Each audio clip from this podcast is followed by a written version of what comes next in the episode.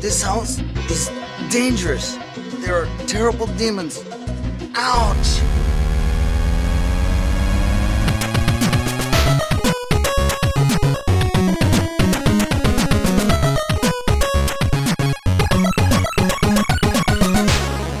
Welkom bij Buttonbashers aflevering 98. Een geheim pareltje binnen onze inmiddels rijke reeks aan podcasten. Maar wel een geheim pareltje nummer 5. Want vandaag gaan we het hebben over Hidden Gems. Eh, ja, nummer 5 dus. De vijfde keer dat we een aflevering doen zoals deze. Heb je mooie Hidden Gems Niels? Mij is het weer gelukt, ja. Jou is het Ik weer heb een gelukt. retro en een moderne. Oké, Steve? Ik ben zeer tevreden. Ik, eh, oké, dat is netjes. Ik heb gecheat. En was ik was heb, het vandaag cheat, hè? Eh, het dat weet ik niet. Ik weet niet eh, of, jij, of jij gecheat hebt vandaag. Maar- Ehm, Ja, ik, ik heb ook een beetje gecheat, maar dat hoor je zo meteen nog wel. Oké, nou, ik heb gigantisch gecheat. Gigantisch gecheat. Ik heb gigantisch gecheat. Ik ben ook van plan om best wel te cheaten. Vandaag is dus klaarblijkelijk cheat, eh, cheat day. Ja, Nou, voor de inderdaad. verandering zal ik dan een keer niet cheaten.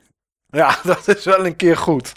Ehm, voordat we gaan beginnen aan de Game Talk wil ik eventjes iets kwijt, jongens. En dat is, kunnen jullie niet over meepraten. Het is ook voor de rest helemaal niet boeiend of wat dan ook. Maar ik denk, ik wil het toch even genoemd hebben. Want ik ben eh, eh, x weken geleden, ik heb geen flauw idee meer hoeveel weken geleden, ben ik naar de allereerste retro-beurs geweest in Hengelo. En het heette iets met eh, een hele moeilijke Engelse naam. Het is echt de slechtste voorbereiding ooit. Maar we hadden allemaal een beetje haast om eh, op tijd eh, aan te schuiven. Eh, iets met retro, nog iets en dan in Hengelo. Nou, als je zoekt op retrobeurs Hengelo, dan vind je het vanzelf. En ehm, ja, het was de allereerste keer dat daar een beurs was. Dus ja, ik kom er niet zo vaak meer. Maar ik dacht van, ja, dit is bij mij, geloof ik, 17 minuutjes rijden vanuit Enschede. Dan moet ik toch wel eventjes eh, even mijn neus laten zien. En even gaan kijken wat het nu eh, uiteindelijk geworden is. Ehm, ik ben benieuwd of er een tweede editie komt. Dat, eh, ja, en dat hing voornamelijk af van. nou, dat hangt denk ik voornamelijk af of de partijen die er stonden om te verkopen. het wel interessant genoeg vinden om er nog een keer te komen. Was het Uiteraard. rustig? Nou, dat viel wel mee. In totaal zijn er geloof ik meer dan 800 bezoekers geweest. Dus dat is, Dat, dat, is, een mooi aardig. aantal. Ja, zeker. Zeker voor een eerste editie. Ja, ja, ja, inderdaad. Ehm, het was wel een beetje rommelig toen ik bij aankomst. Ik, ik wist waar het was. Het is, het is in een zalencomplex genaamd Waarbeek. En de Waarbeek in Hengelo is een klein ehm, ja, attractiepark, zeg maar. Voor, voor de wat kleinere kinderen. Dus je moet niet verwachten dat er een Piet ontstaat of een Baron. eh, of dat er een. eh, een heftige eh, ding staat uit Walibi of zo, of wat dan ook. Het is echt een beetje op de kleintjes gericht. Volgens mij is het zo'n pretparkje waar je bedrag X betaalt en daarna ook ongelimiteerd patat en ijsjes kan eten. En ehm, er stond bij, overal stond erbij gratis parkeren. En er was een pendelbus. Je kon, eh, als je met de trein kwam, dan kon je uitstappen op het station. En ehm, nou, daar zit daar ergens tegenover zit dan een soort van poppodium iets. En daar stonden pendelbussen. Dat hadden ze van die taxibusjes hadden ze geregeld. En die reden elk half uur. Dus dat was op zich wel goed, eh, wel goed gedaan. Ehm, het parkeren was gratis, maar dat was toch een beetje rommelig. Omdat er was één klein parkeerplekje, plaatsje. Eh, moet ik het dan maar noemen, voor denk ik 20 auto's. En die was voor de deur. Nou, die was natuurlijk helemaal vol, want daar stonden ook de handelaren en, of de verkopers, hoe je ze wil noemen. En eh, de andere parkeerplaatsen, die zijn allemaal betaald. Dat is niet veel. eh 3,95 voor de hele dag parkeren. Maar het was wel iets dat gratis was, stond er. Dus ik heb hem uiteindelijk daar toch maar neergezet. En bij binnenkomst vroeg ik waar ik dan een muntje kon halen. Nou, dat was dan niet daar. Dan moest je omlopen eh, en dan moest je naar de ingang van het pretpark. En daar kon je dan je muntje ophalen. Maar ze zeiden er ook niet bij dat het gratis was. Dus dat was een beetje vreemd eh, hoe dat liep. Uiteindelijk was het muntje gewoon gratis. Als je de stempel liet zien van de retrobeurs.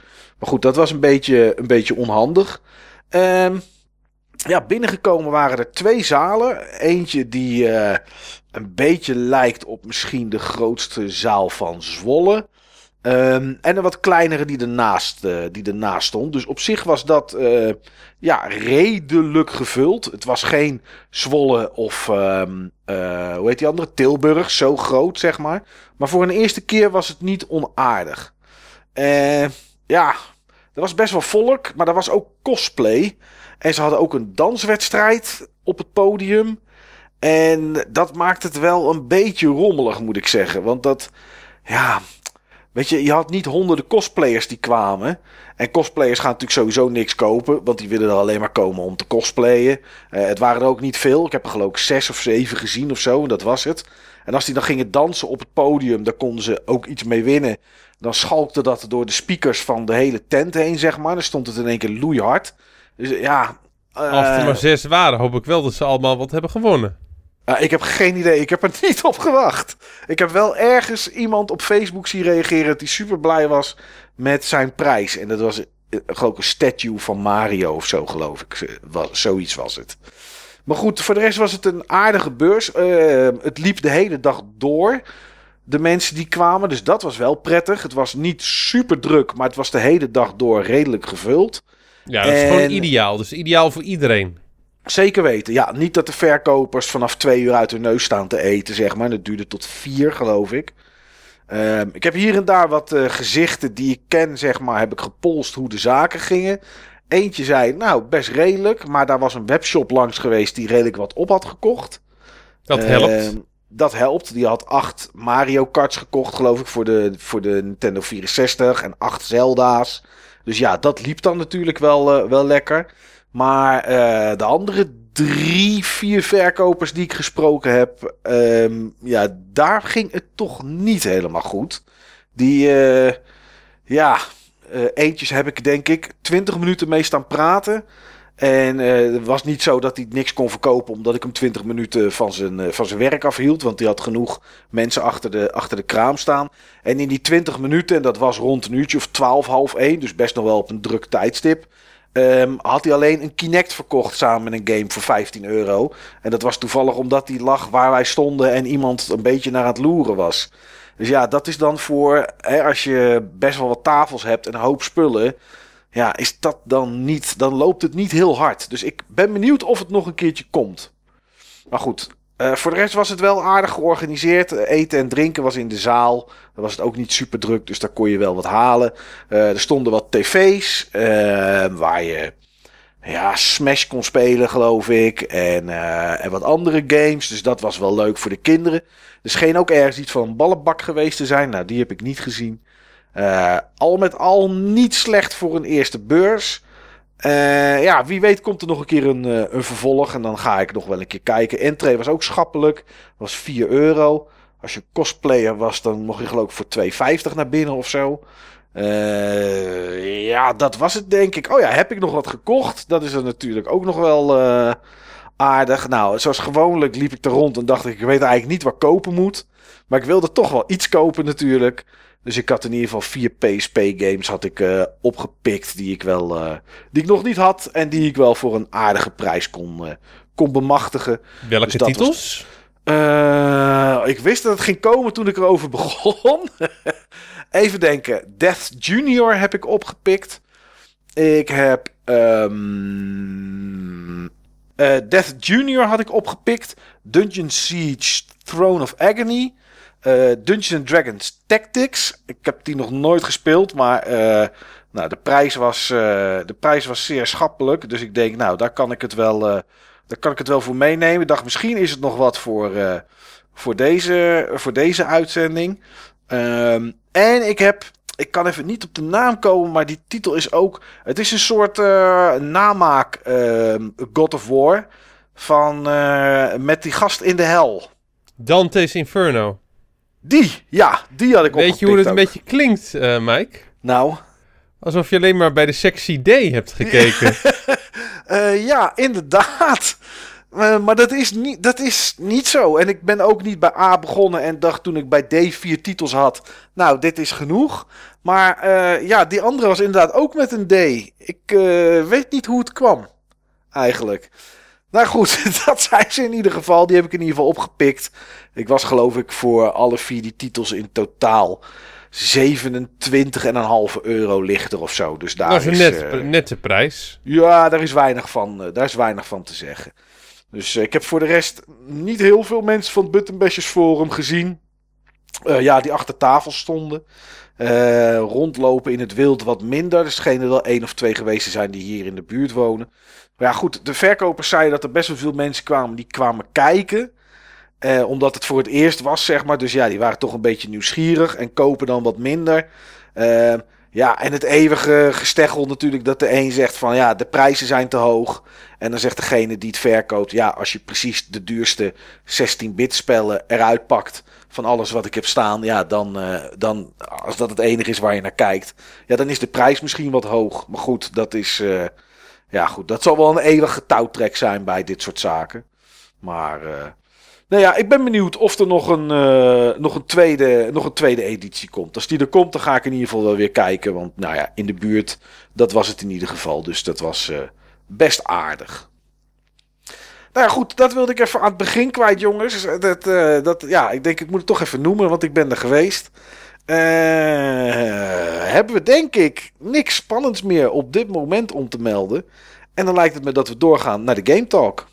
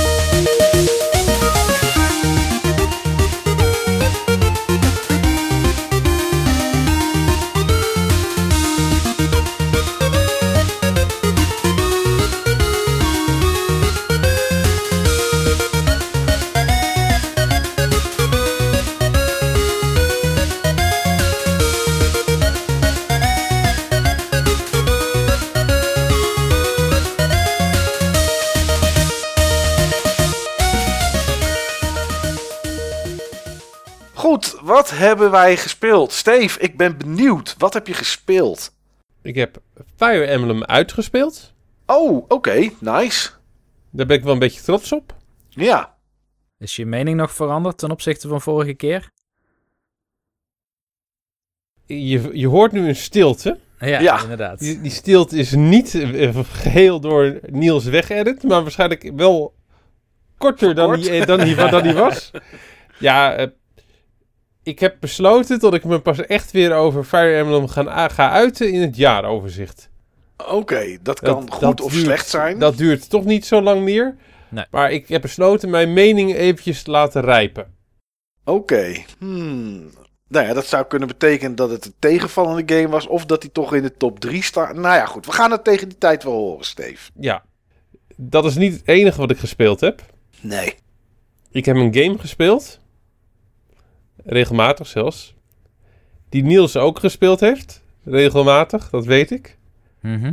Ik denk dat jij hem niet gespeeld hebt, Mike. Het is een beetje een atypische game voor eh, in, in het algemeen. Oké. En, en, en, en zeker voor mij. Of beter gezegd, het is een hele typische, het, zou, het is een hele typische game en dat maakt het een atypische game. Ring Fit Adventure. Nee, daar kan ik je met zekerheid vertellen, Steve, dat ik dat niet gespeeld heb. Ja, ik, ehm, ik kom regelmatig in de sportschool. Ja. Vier tot vijf keer per week. Ik train vrij fanatiek. Ik vind mezelf behoorlijk sportief. Ik ben wel van mening, hoe sportief je ook bent, er zijn altijd gewoon dingen die je niet doet. En op het moment dat je op een compleet andere manier traint, heeft dat een bepaald effect. En meestal is dat effect, effect positief. Mhm. Maar ik was er gewoon heel erg benieuwd naar hoe die game is. Ja. Ehm, ik heb op YouTube ook zat previews en reviews gezien van, eh, ik noem het eventjes, YouTube-recensenten en in-game-recensenten. Dan zag je ze, ze weer, eh, zeg maar, helemaal uitgeput staan na een, eh, na een oefenrondje. En ik was eventjes benieuwd, zeg maar, het klinkt heel arrogant, Maar hoe een fit iemand dat zou ervaren, Ja. Ja, dat is denk ik dan toch anders dan de gemiddelde persoon. Ja. Oké, maar eh, ja, ik ben toch benieuwd, Steve. eh, Putten het je uit voordat je gaat vertellen eh, of het leuk is of niet. Branden je, branden je spieren daarna, zeg maar. ja, Voel je ja, het? wel degelijk. Ja. Wel degelijk. Ik had ook opties voor mezelf bedacht om, het te, om zeg maar, de game te modden. En om het op een bepaalde manier te verzwaren. Oh, je had gewichten aan je benen gehangen, elastieken eromheen, Ja, zeg ik, maar. ik, wou, ik wou iets doen met elastieken bij bepaalde oefeningen. Ja, Maar kan je wel zeggen, dat is niet nodig. oké. Dat Ja, ik weet, niet nodig. nog, ik, weet nog uit de tijd dat ik naar de sportschool ging. Dan deed ik wel fietsen en cross trainen en dat soort dingen. Maar als ik hier thuis de trap op rende, was ik gewoon kapot, hè?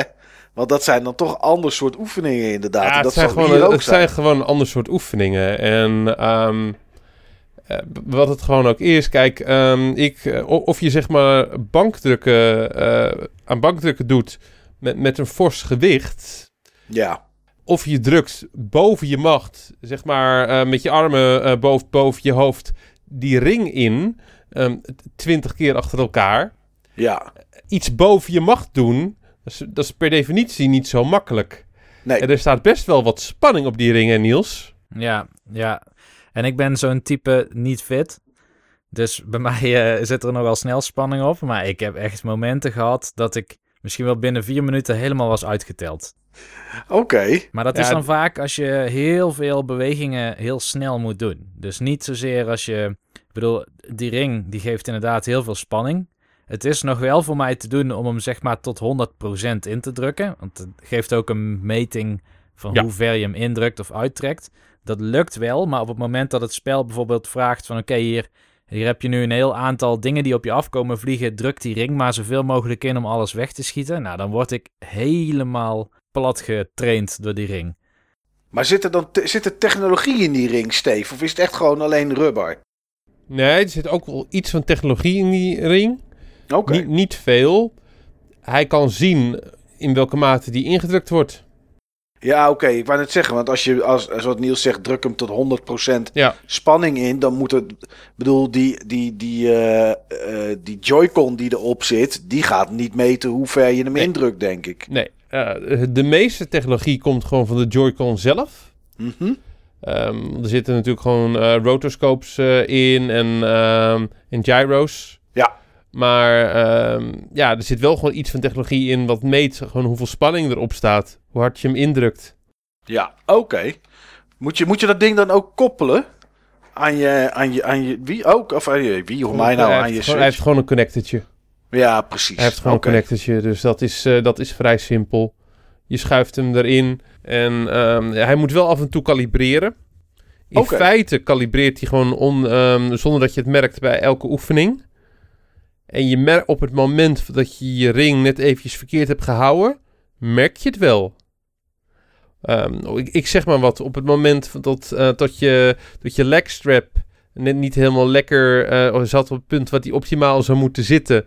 En ehm, je hebt je ring te laag gehouden. Ja, En je gaat, je gaat squatten. Ehm, en je squat tot de juiste hoogte. En ik weet wat de juiste hoogte is. Dan zegt hij, oh, je doet het wel goed. Of hey, eh, je doet het net niet goed. Terwijl ja. ik weet van, ik doe, het, ik doe het perfect. Dit is gewoon, zeg maar, je moet niet verder gaan dan squatten. Maar dan moet ik bij wijze van spreken squatten tot, tot, tot aan de vloer. Bij wijze van spreken. voordat hij zegt, hey, great, great. ja. Dus dan weet ik dus, oké, eventjes zeg maar herkalibreren, want dit is niet hoe een squat bedoeld is. Nee, oké, snap ik. Ja, maar eh, op, op welke moeilijkheidsgraad eh, speel jij, eh, Niels? Weet jij zeg maar op welk niveau eh, je speelt? Ik dacht uit mijn hoofd op 17. Ah, Oké, Ja, en dat is eh, volgens mij is. Ik heb een keer een video gezien van zo'n fitness trainer en die zat op 23 of zo. Dus dat is dan denk ik heel intens. Maar eh, bij mij, hij wordt intens genoemd. Want je kan ook aangeven wat je uit de game wilt halen. Hè? Ja. Dat je gewoon iets fitter wilt worden of misschien meer dan dat. En ik heb hem volgens mij op intensief gezet. Maar dan wel intensief naar de metingen die het spel op mij heeft gedaan. ja, precies. Kijk, eh, dat, is, eh, dat is gewoon prima. Ehm, Waar heb jij hem dan op, Steve? op 600? 30. Op 30. En dat is de max. Oké. Ja, dan ga je echt, dan ga je echt kapot. Want ik moet al ergens in de 20 keer squatten en ringen indrukken achter mijn rug om en zo. Maar 30, hoe vaak moet je dan wel niet die oefeningen doen? Eh, laat ik zo zeggen, boven je macht indrukken. Of zeg maar alles, alles met indrukken. Vaak rond de 40 keer. Ah, zeg maar, eh, zeg maar eh, eh, 24 keer lang en 16 keer kort of zo. De meeste van de oefeningen, die, veel van de oefeningen, die werken met zogenaamde drop sets. Ehm, dan doe je hem eerst zeg maar zwaar. En daarna als je al helemaal uitgeteld bent. Eh, wat eigenlijk stopt de oefening, de, de normale oefening stopt na 24 herhalingen. In mijn geval. Maar dan doen ze nog eventjes 16 iets lichtere erachteraan. Want zeg maar volledig kan je hem niet meer doen. Maar dan smokkelen ze er nog eventjes zeg maar dat je 16 keer snel doet. Dat je hem eerst zeg maar in moet drukken zeg maar voor 3, 4 seconden. En daar nog eventjes zeg maar 16 keer 1 seconde. Dus eh, ja, zo, eh, dat, is, dat zijn principes die ik normaal gesproken ook gebruik. Dat zijn gewoon eh, ja, dro- drop sets. En zo kan je inderdaad makkelijker een, een, max, een tweede max bereiken. Eh, Oké. ik, ik moet zeggen, heel veel van de, van de technische aspecten van, ehm, van die game, daar ben ik erg over te spreken. Oké, nou dat is wel cool. Ja, is het ook leuk, de game? Want je speelt een adventure, hè? Want dat, Ja. voorheen was natuurlijk met wie fit, dan kreeg je gewoon oefeningen. Ja, je kon een Ja. beetje joggen door een park. ja. Ga, ik, ga ik zo meteen iets over zeggen. Ik wil nog Mhm. even zeggen waarom het zeg maar technisch goed is. Het, Ja. is, het is technisch goed, omdat ze je, het is heel erg gericht op vorm. Oké. En hoe bedoel je dat met vorm?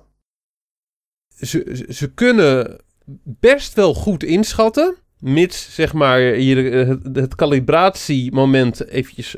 Dat je zelf dan goed gepositioneerd hebt. En je hebt je, je, hebt je strap goed om en je hebt je eh, ring goed gehouden. Ze kunnen goed inschatten of je de oefening goed doet. Oké. Dus technisch wordt- is het wel ja. op orde. Ja, je wordt ook echt gecorrigeerd op het moment eh, van dat je... ehm, dat ze een duidelijke indicatie hebben van... joh, je doet het niet goed. Enerzijds als je het zeg maar eh, te licht doet... of anderzijds wanneer je het gewoon niet goed uitvoert. Ehm, bijvoorbeeld zeg maar, om een voorbeeld te geven... eh, je hebt zeg maar een oefening dat je eh, van, van zijkant naar zijkant beweegt met die ring... Ja. Eh, voor je buikspieren. En ehm, ik, ik, nam die niet breed, ik nam die niet ver genoeg. Ik moest iets verder doorbuigen naar links en rechts voordat ik grade kreeg. En op, het, eh, op zeg maar, de animatie kon ik dat niet zo goed, eh, goed zien. Voor mijn gevoel deed ik het ten opzichte van animatie gewoon goed. Alleen toen ik zeg maar op basis van aanwijzingen van het spel dan eh, gezegd wordt van joh, ja, verder joh, verder. Ehm, ja, toen kreeg ik wel steeds great, great, great. Oké. Dus, en zo heb ik dat met meer oefeningen gemerkt. Dat is echt wel, dat is echt wel nice. Oké. Je moet, maar je moet wel ook zelf je hoofd erbij houden. Ehm, wat ik bijvoorbeeld ook zei, van, eh, kijk, op het moment dat je net niet lekker gecalibreerd bent en ehm, ja, je, bent aan het squatten en je dropt gewoon te ver, ja, dat is niet goed. Nee. Dus dan heb je twee opties. Of zeg maar gaan doen wat het eh, spel van je vraagt en, en behoorlijk diep droppen. Ehm, waar je ook niet direct aan dood gaat of zo. Maar, ehm, nee. maar als, je dat, als je dat continu gaat doen, eh, een paar keer per week, dat is niet goed voor, eh, voor je knieën. Dus je moet wel zeg maar eventjes ook erg inhouden van hoe het eigenlijk bedoeld is. Krijg je instructievideo's hoe het eruit moet zien ook nog erbij? Dat je weet ja, van, oké. ja, dat niet, niet vooraf, maar dat doe je. Je hebt zeg maar een soort met van instructievideo tijdens de oefening. Ja, precies. Dus Ja. als jij in één keer het nog dieper moet zakken dan de grond, zeg maar, dan weet Ja. je, oké, hier is iets mis. Ja, ja, ja, klopt. Je hebt zeg maar, eh, in eerste instantie heb je zeg maar die instructievideo vrij groot aan de linkerkant. En nadat je het een paar keer gedaan hebt, dan wordt die kleiner. Dan schuift hij naar de linkerbovenhoek en dan heb je iets kleiner en is het beeld wat meer beeldvullend. Ja, precies. Oké. Grappig hoor. Ja, en het, het, dat was meer het ring, het ring en het fit aspect. Ja, Jij vroeg naar het adventure eh, ja aspect. inderdaad. Ehm, ja, dat is best tof. Oké. Dat is best tof. Ik, ehm, ik heb nu volgens mij vier werelden gedaan. Ja. uit mijn hoofd. En aan het, aan het eind van elke wereld moet je vechten tegen een grote zwarte draak. En die heet Drago. Oh, ik dacht Obesi. Nee, nee, nee. Hij heet Drago en hij is niet obese, hoor. Nee, Yo, als, maar- ik, als ik kijk naar welk... Ik heb me nog nooit zo vereenzelvigd met een, ehm, met een karakter als, eh, als Drago. Oké. In mijn, eh, in mijn optiek is Drago ook gewoon de good guy van het verhaal en gewoon verkeerd begrepen. Ja, maar dat is vaak zo, hè. Ja, ja, ja. Maar Drago die is, zeg maar, is, is een enorme buff draak die voor het mooie een beetje te veel traint. Oké. Ja, dat ben ik. Ja, Ja. ik zie de gelijkenis wel inderdaad. Maar hij is wel zwart en jij niet. Ja, dat klopt. Dat klopt. Als ik gewoon kijk eh, wat voor soort dingen die allemaal zegt, dan denk ik van ja, ja, ja, can live with that. Wat, wat lopen ze nou, waar, waar moeten we nou continu achter die aan Drago? Echt, eh, ja. Eh, maar eh, ik moet zeggen, aan het eind van die vierde wereld, dan moet je het zeg maar weer opnemen tegen Drago. Ja. En eh, ja, ik, ik sta wel op standje 30, hè? Ja. Dus eh, laat ik zo zeggen. eh, Maar tot nu toe, tot dan toe, alles ging wel. Alles ging wel. Alleen, man, man, man, man. eh, Je hebt ook zeg maar hoe je het doet. Je doet een oefening. En een oefening is een aanval. Oké. En je kan zeg maar één of twee aanvallen achter, aanvallen achter elkaar doen. Daarna moet je een verdediging doen. Dan moet je zeg maar die ring zeg maar, tegen je buikspieren aandrukken. Die moet je vasthouden. En wat je ook doet, je krijgt, al, je krijgt altijd een stukje schade. Oké, is dat wel. Unavoidable. is unavoidable. Ehm, dat vind ik jammer. Want ik heb zoiets van, ja, kijk, ik, ik krijg schade terwijl ik gewoon alles goed doe. Ja. Dat is niet helemaal eerlijk. Nee. Dan zou Op- het eigenlijk een soort schild moeten zijn. Ja, ja je, krijgt ook, je krijgt ook echt een schild voor je. Alleen je hebt nog steeds een stukje damage door het schild heen. Alleen, ehm, ja, ik, eh, dat, dat gevecht tegen Drago, dat duurde echt gewoon 18 minuten. Jeetje zeg. Ja, 18 minuten? Ja, ja, ja, en je moet ook gewoon zeg maar bepaalde oefeningen doen. En je kan niet zeg maar de oefeningen die je, die je doet, om, die je kiest om zeg maar tegen hem te doen, eh, of die je überhaupt kiest om, om te doen, die mag je niet twee keer achter elkaar doen. Daar moeten altijd twee andere oefeningen tussen zitten. Stel, je bent gewoon heel goed in een bepaalde oefening, of, je hebt, eh, of een van, ehm, van, van de oefeningen ligt je gewoon heel lekker, vind je prettig, en de andere oefeningen niet. Denk niet dat je die gewoon achter elkaar kan spammen. Nee. Maar dat is wel goed, want dan zorgen ze dus echt wel voor afwisseling. Ja, zeker. Dat is zeker eh, goed. Alleen ik moest, zeg maar, ehm, alles bij elkaar moest ik negen verschillende oefeningen doen, of tien, om hem gewoon plat te krijgen. En ik had niet genoeg helft om, eh, om zijn aanvallen te we- weerstaan. Dat was, was op, in dit geval niet erg, want ik had smoothies. Oké. En wat zijn smoothies? Smoothies, dat zijn dingen die je kan kopen of kan, eh, kan maken. Ook met Maar- eh, microtransactions. Nee, nee, nee. Gewoon met dingetjes die je, kan, die je vindt en kan kopen door gewoon lekker je oefeningetjes te doen. Ja. En daarmee kan je zeg maar je helft weer aanvullen. Of kan je jezelf bepaalde buffs geven. Oké. Ehm, ik had echt een best wel mooi ladingje smoothies. Ik had zoiets van, joh, eh, eh, joh, daar kan ik wel een tijdje mee vooruit. En die heb ik toch niet nodig. want Ik ben fit. Ja, nou, ik had ze allemaal nodig. Dat op de allerlaatste. Ik had het precies plat. Oké, maar je had het wel gehaald. Ja, ik had het wel gehaald. Gewoon echt kielen kielen. Maar dat voelde lekker, jongen. En branden, jongen. Branden. ja, voor- vooral mijn benen. Want ik had zeg maar, ik had, zeg maar smoothies waarbij je, een extra, waarbij je extra damage deed. eh, zeg maar met, ik noem het eventjes beenoefeningen. Ja. En normaal ben ik zo, nee, nee, nee, nee, nee. Echt, eh, joh, eh, ik ga niet alleen maar één type oefening doen. Ik ga het gewoon een beetje variëren. Ook al is het, eh, ook al is het gewoon niet effectief. Maar op een gegeven moment had ik echt zoiets, ja, echt, eh, no way. Tot ik zeg maar dit nog een keer ga doen, hè. No way. Alleen maar benen, benen. ja, ik had hem, hoor. Ja, wat een uitdaging dit, man. Ja, dat was wel eventjes eh, pittig, hoor. Toen had ik echt zoiets speld. Waar moest je dat nou doen, zeg maar, op standje 30? Ja. En, en hoeveel werelden zijn er, eh, Steve? Weet je dat? 20.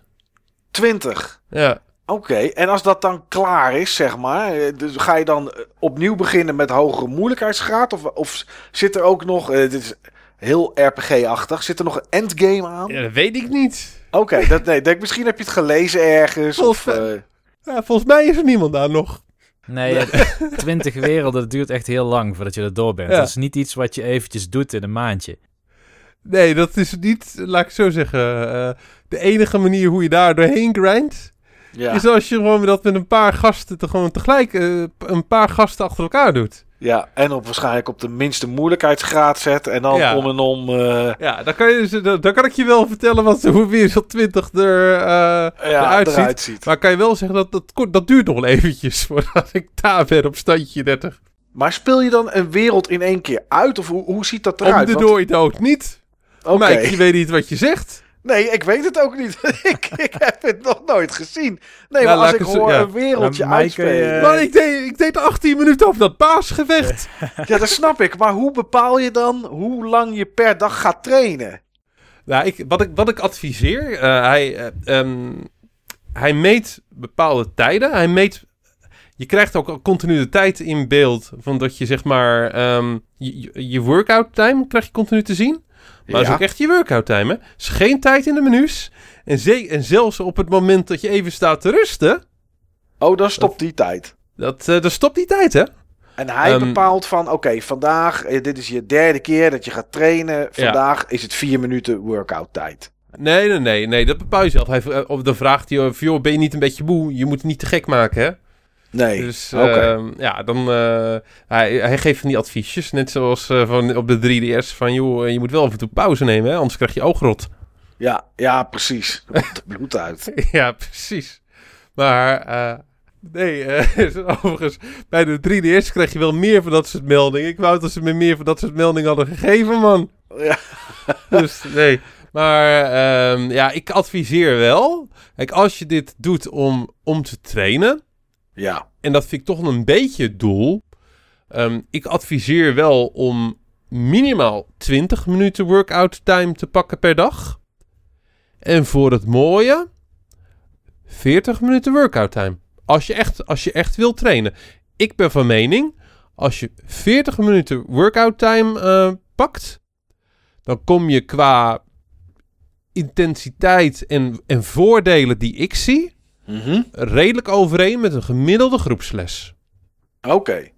Nou ja, dat, ik durf zag, ik, uh, dat, dat, dat, durf ik wel in te schatten. Ik zag gisteren of eergisteren iets op het nieuws dat je eigenlijk maar één keer in de week iets van 40 minuten een beetje moet slow joggen en dat dat voldoende is. Dus ik, uh, ik denk ja, als ik deze zijn game... daar zijn de meningen zeer sterk over verdeeld. Als ik deze game zou hebben en ik zou het op die manier spelen, dan heb ik hem over zes jaar heb ik wereld 4 uitgespeeld, denk ja, ik. Ja, dat denk ik. Nou, laat ik zo zeggen dat uh, ik hoor ook wel eens dat soort uh, berichten. Ja. Um, ik durf wel te zeggen dat het menselijk lichaam daar niet op ontworpen is. Oh, oh, ja, jongens, ja, ja, we hebben nu eventjes een sabeltandtijger uh, achter ons aan. Maar dat is niet erg, joh, want we hebben één keer per week geslowjogged. Nu kunnen we wel eventjes een extra sprintje trekken. Ja, en, uh, anders, anders, moet die, uh, anders moet die tijger maar even wachten, want over ja. drie dagen gaan we pas weer ja, joggen. precies. Nee, ik, ik heb er toch een iets andere mening over. Daar zijn zoveel onderzoeken over. En dit zijn... Uh, dat, en met erg tegenstrijdige uh, resultaten. Hier geloof ik niet in. Uh, iedereen met een beetje common sense. Die kan Ja. voor zichzelf toch wel redelijk uitpuzzelen. Tot dit niet klopt. Ja, ik weet het. Ik, ik, ik geloof het ook niet, maar het was op het journaal ergens. Ja. Was het, uh, Ja, en het stond in de krant. En... Tr Trump zou zeggen: fake news. Fake news, ja, Ja. inderdaad. Ja, maar um, ja, ik, ik, um, ik adviseer met, met 20 minuten heb je een goede basis. Zeker op een moment van dat je niet, um, dat, dat, je anders niet zou trainen. Hey, je hebt 20 minuten uh, getraind. Je hebt ook groepslesjes, zeg maar, van, van, van die tijd. Alleen dat is over het algemeen wel high, high intensity. Ik denk als je 20 minuten getraind hebt, dat het niet high, high intensity is. Ook niet op 30? Komt niet overeen met high intensity training. Nou, het ligt een beetje aan wat je doet, denk ik. Want um, stel je hebt, je hebt ook minigames, daar heb je het er nog niet over gehad. Maar die, je kunt in het Ja. menu ook gewoon losse, Ja. ja. meer spelletjes zoals die Wii Fit ook wel zoiets had doen. Ja. En daar heb je ook dingen als uh, druk de ring zo vaak mogelijk in binnen een minuut. Nou, als je dat 20 minuten doet, dat is high intensity, zeg maar. Want ik kan niet eens één minuut, kan ik niet... Ja, ik krijg daar S-rank inmiddels. Maar als je die ring uit moet trekken, ik denk dat ik hem misschien 40 keer uitgetrekt krijg. Heel snel in het begin. Dan gaat ze 1, 2, 3, 4, 5, 6, 7, 8, 9, 10, 11, 12, 13, 14, 15, 16, 17. Zeg maar, zo'n drop-off krijg ik dan. Ja. En uh, wat betreft uh, mijn tijd, mijn, mijn effectieve trainingstijd in de game, die zit meestal kwartier, 20 minuten inderdaad. in totaal. En wat ik dan heel erg waardeer is, het spel breekt dat ook helemaal op in de spiergroepen die je hebt getraind dan. Ja, Dus je kan dan zien, oké, zoveel heb je de, je, je eh, borstspieren getraind. En ik doe dan wel eens apart, nadat ik eh, een paar levels heb gedaan, wat trainingen voor mijn rug. Ik heb het idee dat mijn rug eh, dat wel kan gebruiken, zeg maar. Postuurtraining en rugtraining heb je dan. Je doet ook nog een paar minigames. En dan heb je ook nog die onwijze warm-up, de warming-up, of de, de cooldown, de stretch. Ik weet niet meer hoe ze het precies noemen. Maar de eerste keer dat ik dat deed, vond ik dat al een hele oefening. Nu niet meer. de dynamic en de static stretch. Dynamic stretch is een, eh, is een warm-up. En een static stretch, dat is zeg maar een, eh, ja, een, een cooling down, gewoon een stretch. Ja. Ja, dat is har- hartstikke goed. Dat is echt, dat is echt over nagedacht. Ja, joh, ik, ehm, het is gewoon goed om te stretchen na een, eh, na een workout. Ik, ik, de eerste persoon, die moet ik echt nog zien doen op een sportschool, hè? Op sportschool, eh, eh, heb, ik deed het zelf ook niet toen ik nog wel eens ging. Maar ik heb het ook nog nooit iemand zien doen op een Ik sportschool. heb nog nooit iemand zien doen.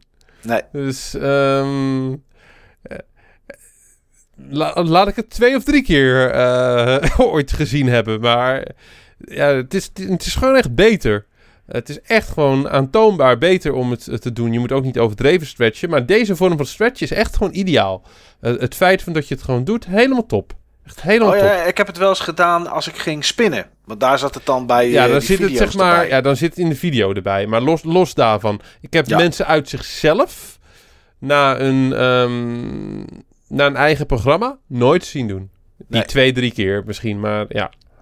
Maar daar is, is echt gewoon goed over nagedacht. Er is echt gewoon goed over nagedacht. Er zijn een paar aspecten waarvan ik vind dat er minder over nagedacht is. Oké, en dat is? Ik heb, ten eerste heb ik hem een enorme twijfel bij de calorieënteller. Oh ja. Er zijn twee opties. Beide zijn net zo realistisch hoor. Of de calorieënteller van, ehm, van Nintendo klopt niet. Ja. Of elke calorieënteller in een sportschool klopt niet. Hmm. Oké. Ik kan dat- me zomaar voorstellen dat eh, ik zou die van, van Nintendo zou zomaar kunnen dat die niet helemaal klopt. Het zou ook nog zomaar kunnen dat die wel klopt. En dat- kijk, ehm Ja, sportscholen, da- ja. sportscholen hebben natuurlijk een, een belang bij. En al die eh, fitnessapparaten hebben natuurlijk een belang bij om een, een zo positief mogelijk beeld te laten Ja. zien. Het kan best zijn dat die geënt zijn op een, ik noem het eventjes, een best case scenario. Om mensen een goed gevoel te geven. Dat zou kunnen inderdaad. En Ja. Waarschijnlijk ligt de waarheid in de midden. Ik weet ook 100% zeker dat die van Nintendo te conservatief is. Want ik heb ook gewoon, ik heb ook zeg maar calorieën, eh, calorieën doorgekregen die ik verbrand heb. Waarbij ik zoiets heb, wat? Dat verbrand ik in rust, man! dat verbrand ik in rust. Moet je wel je, je lengte en je gewicht en je leeftijd er zo opgeven? Ja, Oké. Ja, maar kijk, eh, ik moet wel zeggen, kijk, eh, dat, dat zijn ehm, ook metingen met best wel veel verschil, eh, met best wel hoog verschil erin. Eh, het zegt niets over je metabolisme. Ik, Nee. ik heb een ander soort metabolisme dan ik, ehm, dan, dan ik had toen ik zeg maar eh, nog niet trainde. Of iemand van mijn gewicht die primair, ja, dus wiens massa primair bestaat uit, uit vet in plaats van, van, van spiermassa. Ja. Dus ja, dat, daar, daar zit wel gewoon een bepaalde discrepantie in. Maar ik, ik durf eigenlijk wel, zonder dat ik fitness professional ben, ik durf wel te zeggen van tot het aantal calorieën wat je verbrandt minstens 50% ehm, hoger ligt dan, eh, dan Nintendo aangeeft. Ja, Min-. Minstens. Waarschijnlijk, ik kan me zelfs voorstellen dat het dubbele is, maar zover wil ik niet, eh, niet gaan. Ik heb ook wel wat, eh, wat metingen gezien van mensen die ook een Fitbit of een Fitbit-achtige apparaat gebruikt hadden. Mhm. En tot, en tot ze inderdaad, zeg maar, dat soort metingen ook doorkregen op een Fitbit. Ja, precies. Ja, dus eh, dat, dat is dingetje één. Dus eh, ik denk dat de resultaten iets te conservatief zijn. En ik moet zeggen, ehm, ik vind wel ook dat de resultaten worden erg, wordt wel erg de nadruk gelegd op juist dat soort dingen.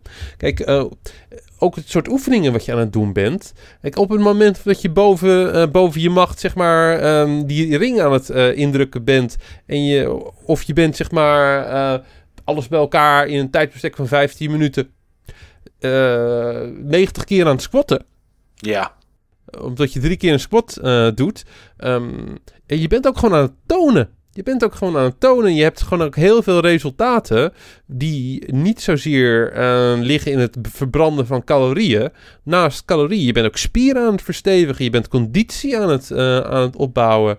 Eh, ik vind dat die, eh, dat die game in principe ook zou moeten zeggen van... joh, ehm, hoe voel je je? Voel je je fitter? Ja, nee. Ja, goed gedaan. Ehm, of joh, zie je al verschil in de spiegel? Bekijk jezelf eens in de spiegel.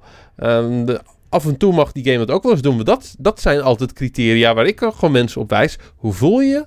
En wat zegt de spiegel? Ja. Dus ehm, dat is misschien wat lastiger om dat eh, te gamifyen. Ja, dat zal denk ik ook wel inderdaad. En daarnaast is er één aspect, dat vind ik echt, eh, dat, dat, dat haat ik echt. Oké. En dat, dat, dat haat ik werkelijk waar.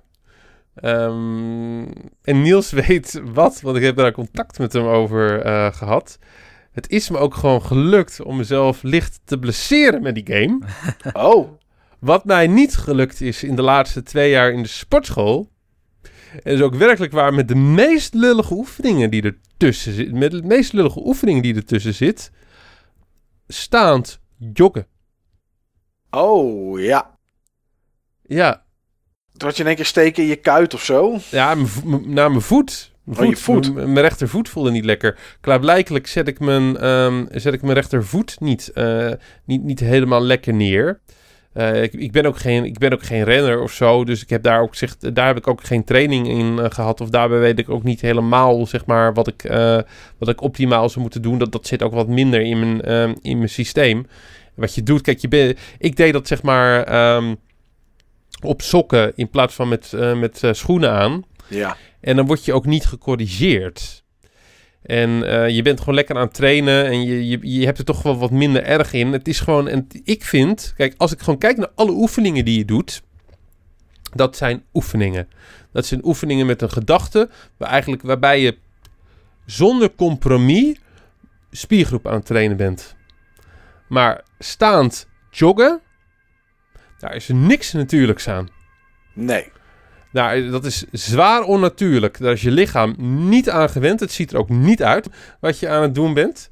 Ik heb zeg maar, ja, ik heb zeg maar, toen ik dat stond te doen voor de eerste keer, heb ik zeg maar ehm, ook de, de- mijn tussendeur dichtgetrokken. Ja, en de gordijnen dicht. Ja, dus mijn, al mijn, ehm, ja, al mijn eh, buren die dachten waarschijnlijk, joh, Steve heeft een meid over de vloer, Steve gaat seksen. Ja, want, want de tussendeur is dicht. Want de tussendeur is dicht. Maar nee, nee, nee, Steve stond gewoon zeg maar de bejaardengym te doen, zeg maar van half acht 's ochtends. Steve heeft zich op joggen. een andere manier geblesseerd. eh. Ja, ja en, en Steve die had zeg maar, Steve had een beetje ouwe aan zijn rechtervoet. En Steve had een goed idee. Je dacht, ah, kom op, het is lekker, het is heerlijk weer. Het is heerlijk weer. Ja, hoe erg gaat het zijn? We gaan er eventjes uitlopen. Ga gewoon even een stukje lopen, joh. Even anderhalf uur. ja. Dus ik was even anderhalf uur gaan lopen. En ja, het voelde weer prima. En toen ging ik eventjes zeg maar, met mijn laptop thuiswerken bij een koffiebar. En toen kon ik niet meer staan. Ik wou zeggen, toen hebben ze je naar huis moeten brengen met een brancard. Ja, toen heb ik, toen heb ik werkelijk waar... Ik heb gewoon naar huis moeten hinken. Oh. En ik, eh, ik heb mezelf de dag daarna... heb ik mezelf ook afgemaild voor al mijn meetings. Want Steve kon eventjes niet naar werk komen. Want hij had Steve- gegamed. Steve was geblesseerd eh, met zijn Nintendo-spelletje. Ja. Want hij Ja. had gegamed. Oh, jezus. ja. Ja. Ja, dan was ik eventjes gewoon de laughing stock van, eh, van mijn eigen afdeling. Is het in de sportschool gebeurd, Steve? Nee, nee, nee. Dat, nee, ik stond thuis te joggen voor, voor de tv. Ja. met Olga Commandeur. Ja, ik had gewoon moeten zeggen van ja, ik maakte de verkeerde beweging met squatten, jongens. Sportschool, 60 kilo op weerskanten. Ja, ja, ik ben gewoon veel te eerlijk. Ja, nee, ja, maar ja, goed, dan kan je er ook nog wel eens een Maar het was, wel weer een, het was wel weer een mooi verhaal. En inmiddels, eh, inmiddels is, de bijna, is de pijn bijna weg. Het was een week geleden. Oké, oh, heftig. Zo lang Ja. nog. Ja, het zit ook echt, het zit ook echt eh, in, in mijn wreef. Het zit echt gewoon op een heel naar punt. Ja, Dus dan moet ik ook dat je ook gewoon, je, om het echt uit te komen, te krijgen, dat je ook gewoon oefeningen moet doen met je voet. Dat je je voet ook gewoon moet stretchen. Dus, maar dat, komt- joh, dat komt goed hoor. Dus ik heb weer een les geleerd. ja. Maar ik, ik moet wel zeggen, dat vind ik echt, daar moet je echt op letten met die game. Hoe ervaar jij dat, eh, Niels? Nou ja, ik ehm, doe misschien twee of drie levels achter elkaar. Dus ik jog ook weer niet zo superveel in de game. Daarna dan ga ik wat minigames doen en dan is het weer eh, static stretchen en dan, dan, dan gaat de game weer uit. Dus ik heb niet Dat echt scheelt, last dat scheelt gehad. ook wel natuurlijk. Maar ik heb wel op jouw aanraden ook hem op eh, silent mode gezet. Waardoor je niet meer hoeft te joggen in place. Waardoor je meer een soort van mini-squats doet. Om vooruit te Werken komen. die mini-squats bij jou? Ja, die werken prima. Maar dat gaat, je, je gaat heel snel al op topsnelheid, zeg maar. Oké. Ja, ik kreeg die mini, die mini-squats kreeg ik niet goed gecalibreerd. Maar die zal ik weer eventjes opnieuw eh, proberen. Of ik zeg maar dat eh gecalibreerd... Oké, als het bij jou werkt, dan krijg ik het ook wel werkend. Ja. En trouwens, ik vind het ook... Ik sluit me wel bij je aan. Ik vind het ook een leuke game. Ook die adventure mode... Daar zit veel meer in dan ik had verwacht. Ik had een veel platter soort game verwacht eigenlijk. Maar ehm, er zitten elementen in die ik ken uit Shin Megami Tensei en Octopath Traveler. Dat je eh, op een gegeven moment karakters hebt met weaknesses. Dus dan moet je ook specifiek een oefening kiezen die past Ja. bij de weakness van een bepaalde vijand. Ja. Eh, eindbaasgevechten kunnen ook uit meerdere onderdelen bestaan. En die hebben dan verschillende kleuren. Dus dan moet je ze ook targeten. En, ehm, en ik vind dat ze nog redelijk eh, veel afwisseling überhaupt in die levels doen. In het begin is het bijna alleen maar platforming. Maar op een gegeven moment dan krijg je ook een missie. Bijvoorbeeld, je had het over die smoothies. Dat komt volgens mij pas in wereld 3 of zo, die winkel waar je smoothies kan kopen. Ja. Maar je moet dan eerst eh, een soort sidequest doen waar je een blender moet gaan ophalen. Nou, dat komt dan neer op een platforming level uitspelen. Maar dat, het houdt het wel fris, zeg maar. Er zit wel echt een, een IP achter, een wereld achter. Het is niet zomaar eh, eh, wat fitnessoefeningen en, en een heel simpel singleplayer campaign ding. Ja, ze kunnen er echt nog heel veel mee. Als ze zouden wi- willen, kunnen ze echt best wel los met, eh, met DLC. Er zitten veel oefeningen in. Ehm, alleen, ehm, ja, je, je kan echt nog wel meer verzinnen ermee hoor, zonder dat het gekunsteld wordt. En er zit echt al veel in qua oefeningen. En je, je start zeg maar met vier of vijf oefeningen. En afhankelijk van hoe je levelt, hoe snel je levelt, krijg je ook zeg maar continu nieuwe oefeningen erbij. Je kan volgens mij wel maar maximaal zes of zeven oefeningen meenemen. In je, ik noem het eventjes palet. En dat vind ik wel jammer. Want als ik gewoon kijk naar de oefeningen waarmee je start. Een flink deel van die oefeningen. Daar ben ik van mening, die zou nooit uit je palet moeten. Ik ben, ik ben zeer benieuwd welke beenoefening eh, erin gaat komen. Op een gegeven moment. Ik heb al een tweede beenoefening, maar ehm, die beter is dan squatten Ja, nee, die je thuis kan, kan doen. Um, want squatten is echt gewoon, dat is gewoon zo goed. Dat is echt een complete basisoefening. Pak je ook veel meer spiergroepen mee dan, ehm, dan alleen benen. Heeft enorm tonend eh, effect. Bijzonder ook goed voor, eh, voor bepaalde delen van je core. Om dat zeg maar, eh, om dat, dat te verbeteren. Nou, ik ben benieuwd wat er voor voorbij komt. Ja. Dus, ehm, en ik vind wel ook zeg maar met wat Niels net zei, met van dat bepaalde characters bepaalde weakness hebben dat, dat nodigt wel uit om juist zeg maar een beperkter deel van je palet te gebruiken. Ehm, ik kies er bijvoorbeeld ook voor om, om daar niet in mee te gaan. Dan doe je gewoon wat meer oefeningen. Zwaar, prima. I can handle it, man. Ja, precies. Dan doe je wat meer oefeningen om, en die dan wat min, minder effectief zijn, maar dan, dan train je gewoon wat meer. Ja, ik doe, joh, ik doe het om te trainen. Ik doe niet om, die, ehm, om, om zo snel mogelijk die vijanden dood te hebben. Nee, Nee, precies. dat klopt. Maar het, het klinkt makkelijker dan het is, Steve. Jij kan dat omdat je die oefeningen wat makkelijker aan kan. Maar Ja. ik kan op een gegeven moment echt niet nog een keer 40 keer squatten. Dan is het perfect. Dan is het perfect, ja. Dan, eh, het is ook wel motiverend natuurlijk. eh, Ja. om, als je zeg maar meer, eh, als je meer resultaat hebt, dat is hartstikke motiverend. Dus bij mij is het meestal oké, deze spieren kunnen nu echt niks meer doen. Ik ga niet nog een keer die ring ik. boven mijn hoofd houden. Nu gaan we Snap eh, ik. Ja, op de grond zitten bijvoorbeeld en een beenoefening doen. En trouwens, die, wat die ring betreft, ik had niet verwacht dat die zo effectief was in het echte targeten van hele specifieke spieren. Daar was ik, had ik ook niet verwacht. Maar dat had ik al door toen ik hem voor de eerste keer indrukte. Hmm. Dat ik dacht van, eh nou, dit, ehm, hier kun je echt wel wat mee. Maar ik, ik had gewoon niet verwacht van dat er zoveel weerstand op dat ding eh, zou, zou staan. Ja.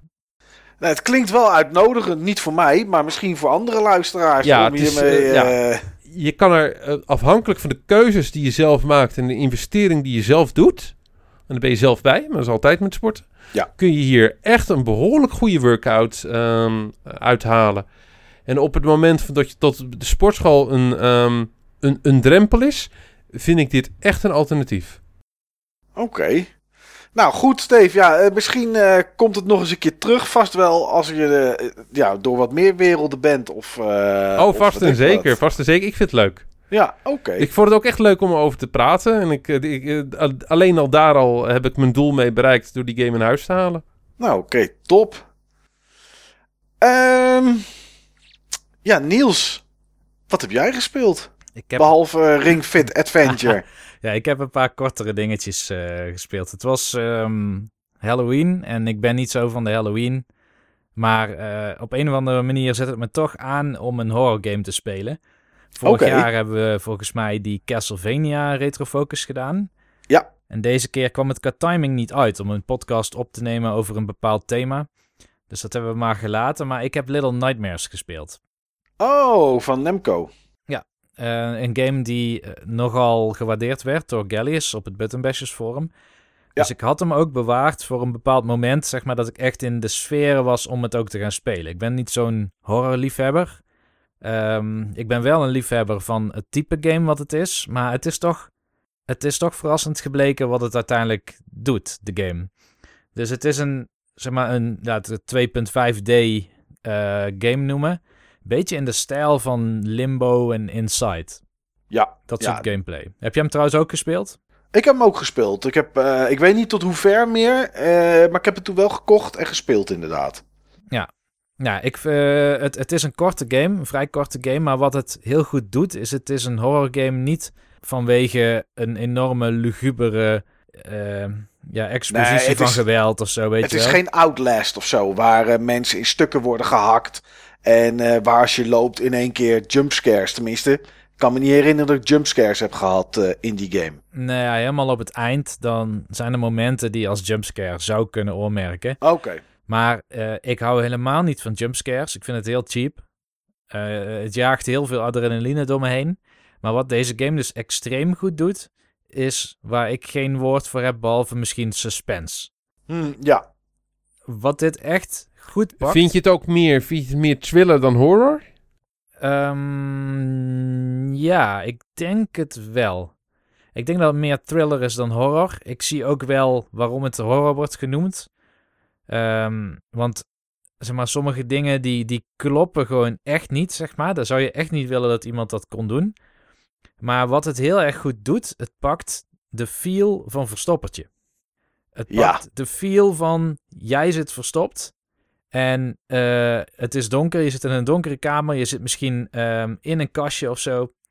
En je hoort degene die moet gaan zoeken, die hoor je die kamer binnenkomen.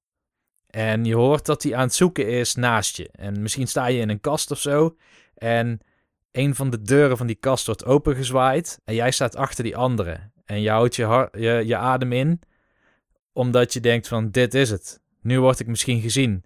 En misschien probeer je dan heel stil nog een beetje in elkaar te kruipen. In de hoop van dat hij net over je heen kijkt. Maar dat soort suspense, daar is heel die game op gebouwd. Ja. ja, ik vind het ook niet echt horror. Ik zit even te kijken op Steam en ik zie dat ik het twee uurtjes gespeeld heb. Eh, ik weet niet hoe lang de game is, die zal vast wel wat langer zijn. Ja, een uur of vier. Ja, maar ik, ik, ik kan het niet als horror inderdaad bestempelen. Het is wel eh, spannend en misschien af en toe een beetje ongemakkelijke sfeer. Zo zou ik het meer willen omschrijven, denk ik. Ja, absoluut. Dus eh, je bent in een omgeving waarin een aantal figuren rondlopen. En ja, je mag niet gezien worden. Dus je probeert zoveel mogelijk in de schaduw te blijven. Maar je moet ook uitkijken. Je hebt bijvoorbeeld iemand en die is blind. Maar die hoort wel heel snel iets. Nou, dan kun je ook in je voordeel gebruiken door ergens iets te laten vallen. Ehm, en je hebt een andere en die, die ziet je wel heel snel. En die heeft er dan ook nog eens een mes bij zich. Je hebt, ik denk, zo'n vier NPC's waar je, eh, ja, waar je echt voor uit moet kijken in de game. Maar in principe is het voornamelijk een soort van physics platformer. En je komt vaak in een kamer en je moet proberen naar de volgende kamer te komen. En daarvoor moet jij iets doen. Bijvoorbeeld de deur zit op slot en dan moet je de sleutel vinden. En die sleutel die kan dan wel eens bijvoorbeeld in een vaas zitten, ik noem maar wat. Maar die vaas die staat ergens boven op een plankje en dan moet je zien te komen. Maar dan moet je zo zien te komen dat iemand jou niet hoort. Of in een bepaalde patrouille iemand jou niet ziet. Nou, dat is zo spannend en beklemmend uitgevoerd. En die graphics zijn ook nog eens super mooi. is echt ja, het een ziet hele er echt mooie goed. game. Het ziet er echt leuk uit. En dat klinkt raar voor iets wat eh, Nightmare-achtig is, maar het ziet er wel echt leuk uit. Ja, een van de meest spannende momenten. is niet echt een spoiler. Ik bedoel, ehm, het spel zit vol met dit soort momenten. Maar eh, ergens richting het einde. Dan, eh, dan ben je in een soort van eh, restaurantomgeving. En volgens mij is een soort van hele slanke Aziatische vrouw is daar de baas. En je eh, sluipt op een gegeven moment door haar vertrekken heen. En ze heeft heel veel paspoppen staan. Maar die hebben allemaal haar postuur. Dus je hebt al het idee van: oké, het zou zomaar eens kunnen zijn dat dadelijk een van die paspoppen misschien stiekem die Aziatische vrouw is. Ja, ja, ja, dat zij ertussen staat. Ja, maar Ja. je weet dat ze daar niet tussen staat, want ze staat voor een spiegel te zingen. En ze zingt de hele tijd drie toontjes. Eh, De hele tijd herhaalt ze de driezelfde tonen. Wordt heel eentonig. En je probeert heel zachtjes te sluipen achter haar, zodat ze jouw voetstappen niet hoort. En dan kom je in haar slaapkamer. En in de slaapkamer, daar staat dus zo'n vaas. En die is een beetje uitgelicht, dus je weet, ik moet iets met die vaas. Maar die vaas is wel te groot, want je bent maar een heel klein mannetje. Je bent kleiner, zeg maar, dan een klein kind. Je bent eerder de grootte van een muis of zo. Ja. Dus ik dacht, oké, ik klim wel via het bed op de plank en dan kom ik in de buurt van die vaas te staan. En ik hoor nog steeds op de achtergrond die drie tonen van die vrouw in de galm, zeg maar. Dus ze zit nog steeds, staat ze daar te zingen voor die spiegel. Ja. En ik duw die vaas. Ik dacht, wacht, daar valt die vaas kapot. En ik weet zeker dat ze eraan komt. Dus ik was al Ja. een escape route aan het plannen. En ik dacht van, oké, stel die vaas valt op de grond. Dan schuif ik zo snel mogelijk onder het bed. En dan hoop ik dat ze mij niet vindt. Ik ren heel snel, ik spring onder het bed en ik heb, merk dat al het geluid op het moment van dat die vaas is gevallen gewoon compleet ophoudt. Dus het is in één keer helemaal stil. Alles ook gewoon. Echt, Alles. echt dead silence. Dead silence inderdaad. En het is net iets donkerder geworden in de kamer waar die vrouw net stond. Dus dan denk je, ja, is ze er nou? Komt ze nou op me af? Maar ik bleef onder het bed liggen en ze kwam niet op me af. Nou ja, dan komt echt hart, het hart in mijn keel bij mij. Hè? Dus dan sluip ik terug. Ik kom in die kamer met die spiegel. Ik zie haar niet. Ik kom in die ka- kamer met die paspoppen. Het is nog donkerder daar. Sommige paspoppen die zijn net wat meer uitgelicht dan andere. En ja, nou ja, je kan je voorstellen dat er inderdaad zoiets gebeurt als wat je verwacht. Ja. Ja, en dat is eh, zo spannend en zo goed gedaan. Dus eh, nee, ik vind dit wel echt een, eh, een prima game. Ik vind hem niet van het niveau van een Inside. Nee. Inside is toch meer een soort van kunst, zeg maar. En dit is wel ja, een, een, een, een commerciële platformer, maar dan heel goed gedaan. Ja. Ja. Nee, dat is zeker zo. Er was er, was er DLC voor gekomen ook, ook nog, of niet? Ja, er zijn twee stuks DLC, die heb ik ook allebei. Oh ja, de Scarecrows, eh, nee, de Depths, de Hideaway en de Resistance zie ik hier zo. Of de Residence bedoel ik. Oké, Op, de, op PC zijn er drie, zijn er zelfs zeven DLC's in totaal. Maar eh, die ene is een Scarecrow sack. Dat zal wel iets eh, grafisch zijn. De Upside Down Teapot. Waarschijnlijk ook. Ik zie drie, drie stuks DLC.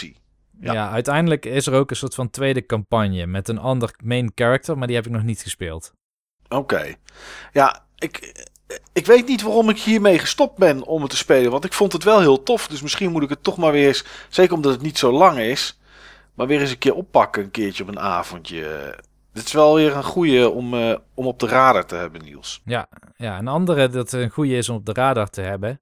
En nou, dat bepaal ik zelf wel, pakken. hè. Ja. Ja. Eentje die je ook hebt neerge, neergelegd is eh Oh. Dragon Quest 11. Oh, ja. Ja, dat weet ik. Dat vind ik moeilijker om weer op te pakken dan Little Nightmares. Ehm, ja, ik denk dat, dat, dat ik dat wel begrijp. Maar van de andere kant maakt het spel het wel makkelijk om het weer op te pakken. Want elke keer als je het weer opstart, krijg je een... Dit is er de vorige recap. keer gebeurd. Ja, Ja, ja, ja, je krijgt een recap van het verhaal en waar je staat. En eh, ja, dan kan je eigenlijk weer door, inderdaad. Dat is wel zo. Dus ik zou het wel kunnen proberen een keer, ja. Ja, ik heb het spel nu zo'n 2,5 week, denk ik. Nog niet zo lang. Maar ik heb er al meer dan 40 uur in zitten. Kijk, dat is netjes. Ja, nee, het, eh, het grijpt me wel echt. Ik vind het echt ontzettend leuk, deze game. Ik, ik ben niet per se echt een Dragon Quest fan. Dat heb ik denk ik wel eens eerder verteld. Mhm. Ik heb wel de meeste delen in de serie gespeeld, maar eh, dit is wel een van de hoogtepuntjes van de serie. En, en misschien wel het hoogtepunt voor veel mensen ook.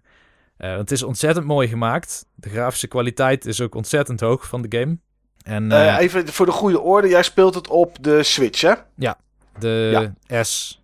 Ja, Dragon Quest 11S. En die versie die heeft ook wat extra's. Ehm, de extra's, zeg maar, de, de game is sowieso al heel erg lang en heel erg goed. Maar de extra's van de Switch-versie, die, ehm, het zijn deels verfijningen. Dus je kan bijvoorbeeld de battle speed hoger zetten. Nou, dat is heel welkom, want ik vind de battles echt heel traag, normaal. Ja. Dus Ja. die heb ik op drie keer zo snel ongeveer staan. En ehm, je kan soms dingen forgen. Je kunt items craften. En normaal Mhm. kon dat alleen bij kampvuurtjes. Maar nu kun je dat Ja, overal. klopt.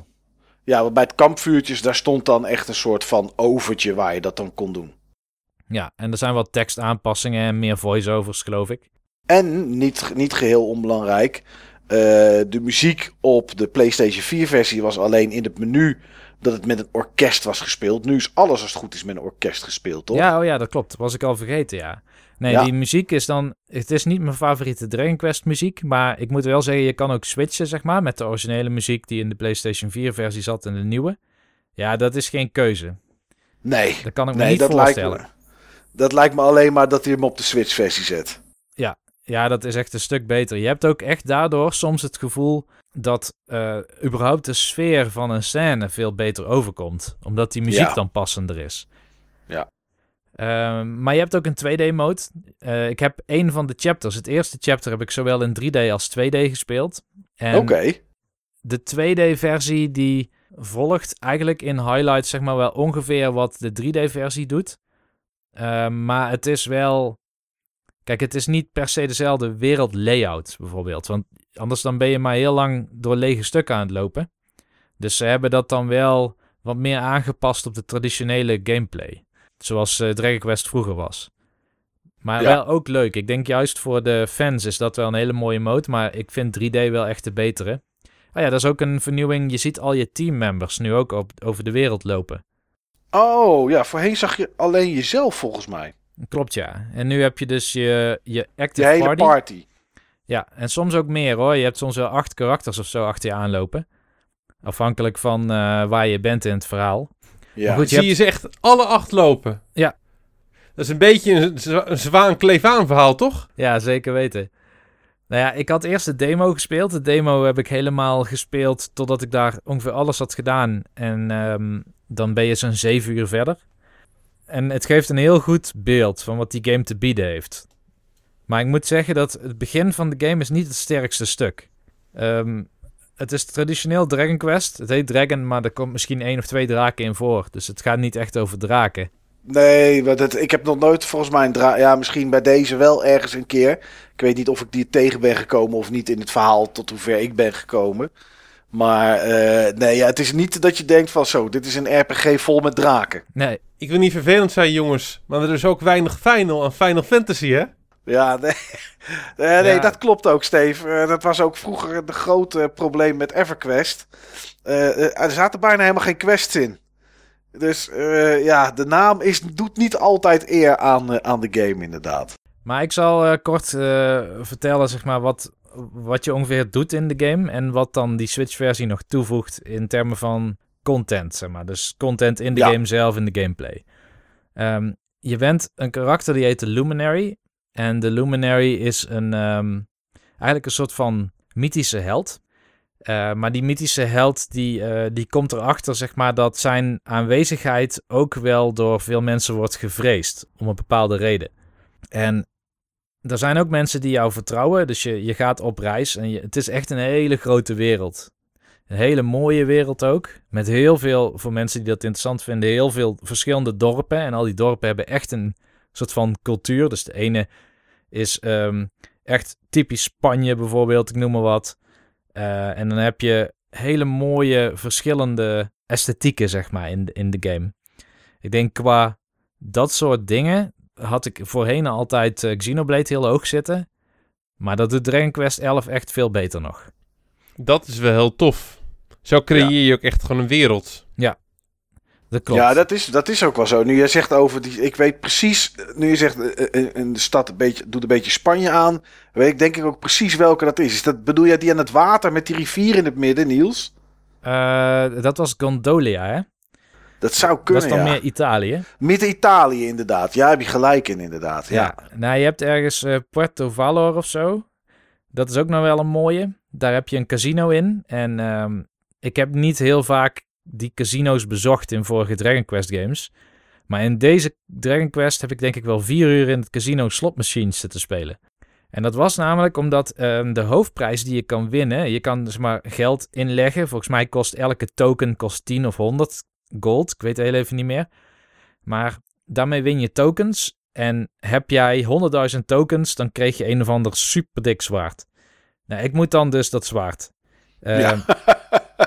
En ik, Al kost het vier uur. ja, en ik zat dus in het casino en ik, ik denk wel meer trouwens dan vier uur dat ik erover heb gedaan. Maar ehm, ik ga dan kijken, oké, wat kan ik dan hier doen? Eh, je kan poker spelen je, met één token, met meerdere tokens. Je hebt dan twee poker varianten. Je hebt denk ik wel drie slotmachine varianten. En in een ander dorp kun je ook nog roulette spelen, geloof ik. Maar goed, ik had op een gegeven moment eh, eh, ontdekt, er staat ergens een soort van bunny girl. En die kan jou vertellen wat de payout per slotmachine ongeveer is, statistisch gezien. En dan eh, ga ik naar een slotmachine waar de payout hoog is, dus waar de bonus hoog is.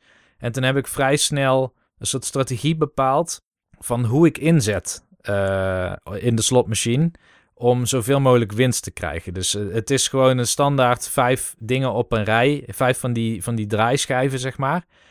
En eh, ja, je, je, kan, je hebt zeg maar steeds dan drie icoontjes per draaischijf die zich laten tonen. En die, dat kunnen dus drie rijen van combinaties worden.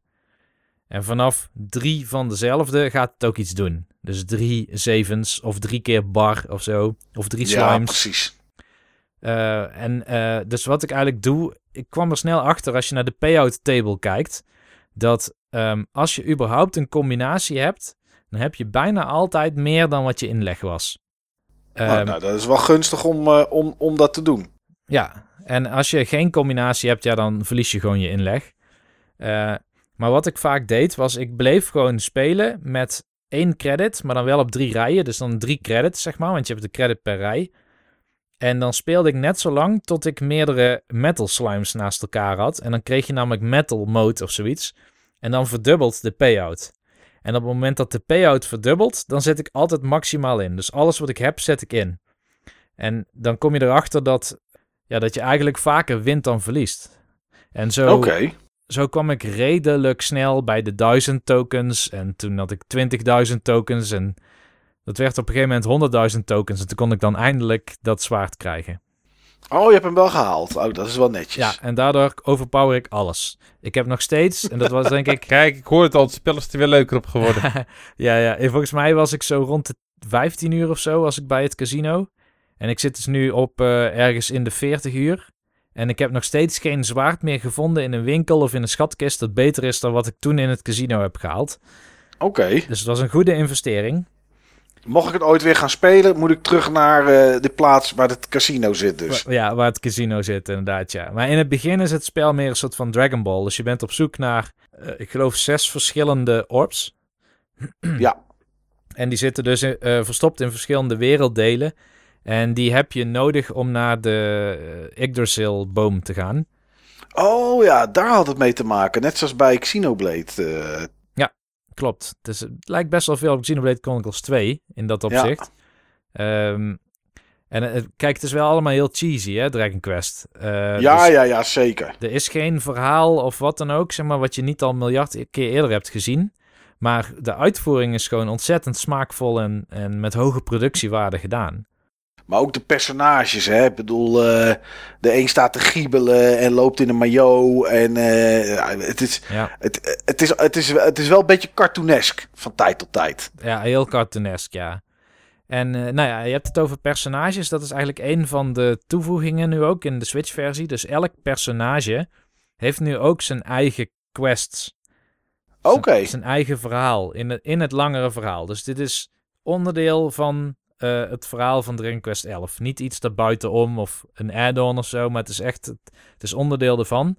Ehm, ik ga niet helemaal uitleggen waar het onderdeel is, want het zou een spoiler zijn. Mhm. En ik waardeer zelf ook dat ik het spel heb kunnen spelen zonder dat te weten. Graag gedaan. ja, precies.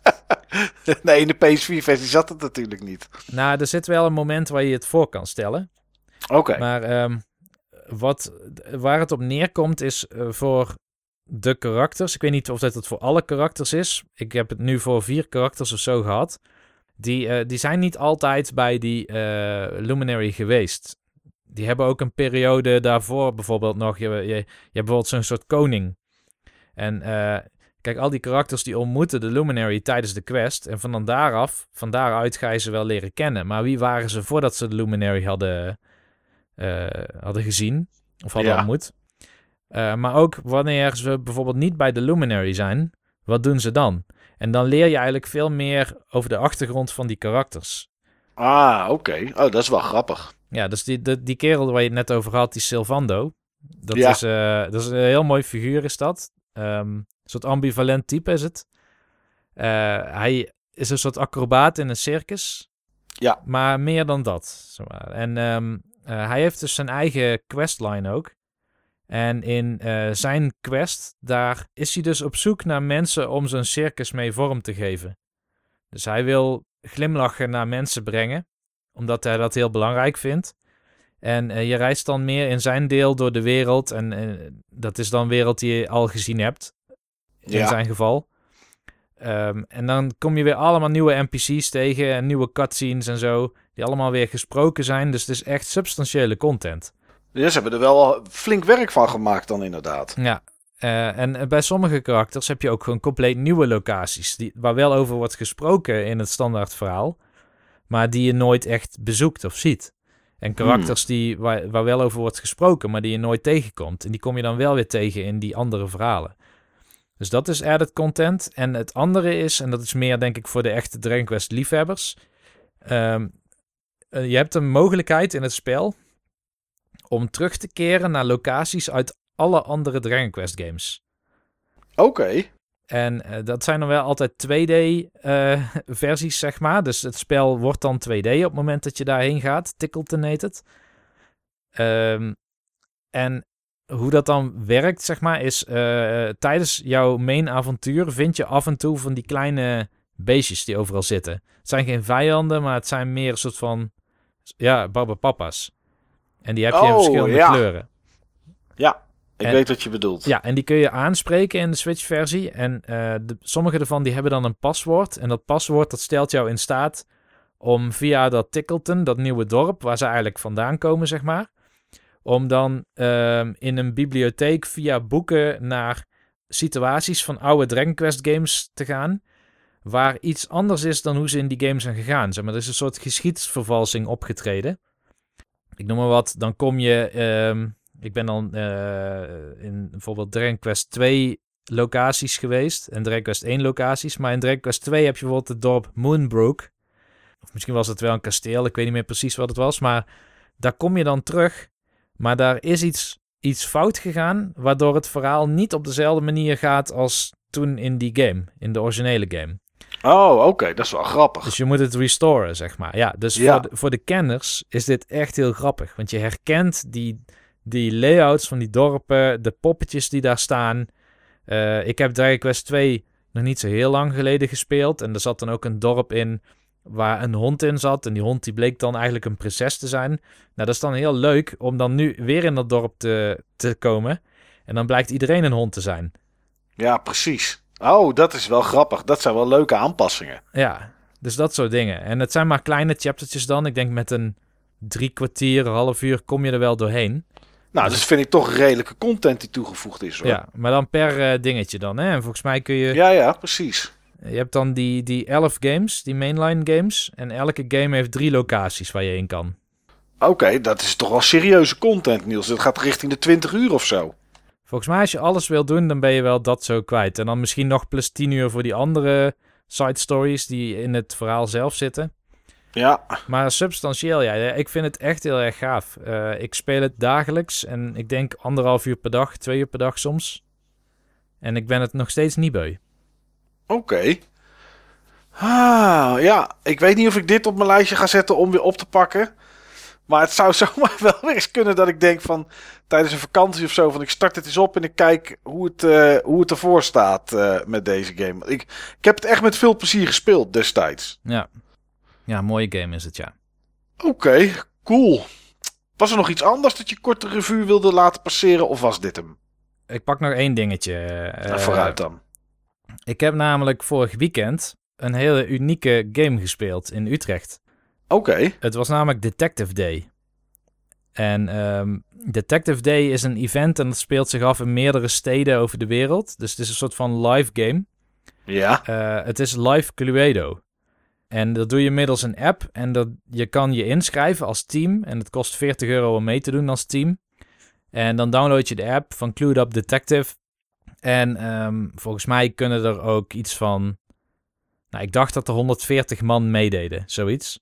Waarvan een heleboel mensen ook verkleed. Nou, dat was ik vergeten. Ik denk daar niet eens aan. Nee. Ik kom gewoon een spelletje doen. Maar ik had met, eh, met een paar collega's, met drie andere collega's, dus we waren in totaal met z'n vieren, trokken we door Utrecht met een app. En op die app heb je een kaart en eh, er is een moord gepleegd. Eh, de situatie was dat er in een bepaald district een, een moord is gepleegd en ehm, je spreekt daar een getuige en die, die zegt dan, oké, we hebben vijf verschillende mogelijke moordwapens gevonden. Maar we weten niet wie de, welk moordwapen het echt is en wie de dader is. En dat is dan aan jou om uit te vinden. En vervolgens is het echt een location-based game. Dus je, je kijkt dan op de kaart en je loopt dan door Utrecht heen om eh, witnesses te spreken. En die vraag je in principe naar hun alibi. Dus wat was je toen? En dan krijg je een soort van tekstje. En als je wil kun je nog eh, doorvragen in een soort van dialogue tree. Of je kan een hint kopen of je kan een informant inzetten. Maar zo ehm, liepen we dus door Utrecht heen. Mensen spreken. Af en toe moest je een puzzel oplossen. Of je krijgt een raadsel. Of je moet iets doen met de omgeving. Bijvoorbeeld dat je naar gevels moet kijken. En, en dat, je dan, eh, dat er iets opgeschreven staat. En dat dat dan weer een code is die je in de game moet invoeren. En zo eh, probeer je langzamerhand erachter te komen. Wie nou met welk wapen de moord heeft uitgevoerd. Maar hoe staat dat op die gevels dan, Niels? Wordt dat via AR erop geprojecteerd? Of hebben ze echt gewoon naar de, gege- naar de gevels in Utrecht gekeken? Dat zijn de echte gevels dan, ja.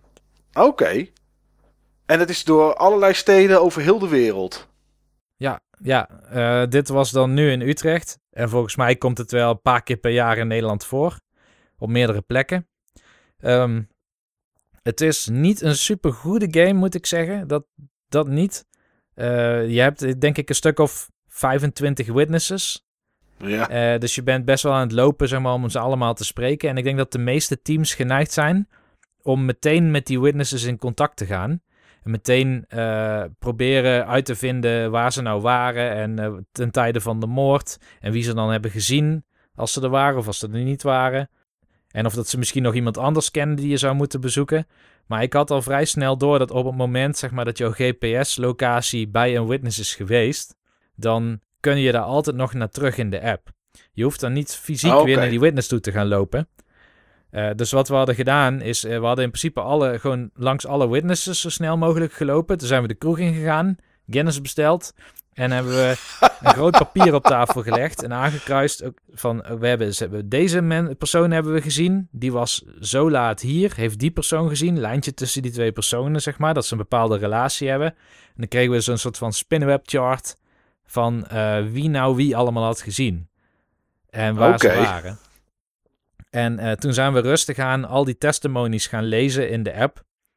En eh, toen kwamen we bijvoorbeeld achter dat eh, één witness die geeft een hint dat er misschien nog een witness zou zijn die je niet op de kaart had kunnen zien. Dus er is een geheime witness. En die zat namelijk op de locatie Janskerkhof. Maar ja, wij Leuke zaten... locatie. Ideaal voor eh, extra Voor, Guinness. voor een moord. ja, nou ja, wij zaten al bij de Guinness. Dus ik had heel even een GPS-faker eh, geïnstalleerd op mijn telefoon. Ho, ho, ho. En een VPN. En eh, ja. toen hebben we hem ook gevonden, zeg maar. Want op het moment dat je dan op, op Jans Kerkhof zou lopen, dan popt hij in één keer op in de map. Ah, oké. En eh, daar kregen we dan de tip van, van eh, het is in ieder geval niet iemand die onderdeel is van een gang. En dan kun je, alla wie is het, kun je dan zeggen van oké, ja, als, het, als hij niet in een gang zat, dan is het, zijn het sowieso niet die twee Ierse broers. En eh, die twee dieven die altijd samenwerken, die zijn het dan ook niet geweest. En zo elimineer je steeds opties totdat je uit bent bij één persoon met één moordwapen.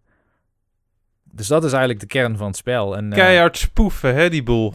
ja, dat wel. Keihard spoeven. Dat was wel Ja. mooi, want één collega die was dus even zijn, eh, zijn kind wegbrengen naar zijn vrouw. En eh, die zei, eh, waar ben je nu? Maar ja, we waren natuurlijk de hele tijd aan het lopen tijdens dat spel. Dus kon ik moeilijk zeggen waar we waren. En ik wist ook niet precies waar we heen gingen steeds. Dus zei hij, eh, kun je even je locatie delen? Ja, nee. En dan kom je op Janskerkhof uit en daar zijn we helemaal niet. Ja. Dus dat was, eh, was wel grappig inderdaad. Maar eh, ja, nee, eh, in principe is het gewoon Cluedo, het bordspel. Maar dan live. Maar dan echt. Ja. En je ziet heel veel groepen en mensen lopen met bolhoedjes of van die typische eh, eh, Sherlock, Sherlock Holmes Holmes. eh, petjes Ja, en precies. pijpen en zo rondlopen. En dat is best wel leuk. Zit er nog iets van een, van een ranking aan? Van wie het eerste het opgelost heeft, krijgt eh 20 eh, elektronische credits of zo? Of is het puur voor de fun? Het, ja, het is voor de fame, maar er zit wel een rankingboard. Eh, het beste team had er een uur en 50 minuten over gedaan. Oh, is nog best stevig. Ja, en ehm, elke keer als jij bijvoorbeeld een fout antwoord invoert tijdens dat je rondloopt, hè, want je krijgt dus, het is dus niet alleen het mysterie oplossen, maar je moet soms ook raadsels oplossen om hints te krijgen. Eh, of die puzzel met die gevels bijvoorbeeld. Als je Mhm. dat fout doet, dan krijg je een tijdstraf van vijf minuten. Ja, oké. En ehm, ja, je kan ook een informant inzetten. Dus stel je, je wil iets meer weten. Je, je hebt een witness.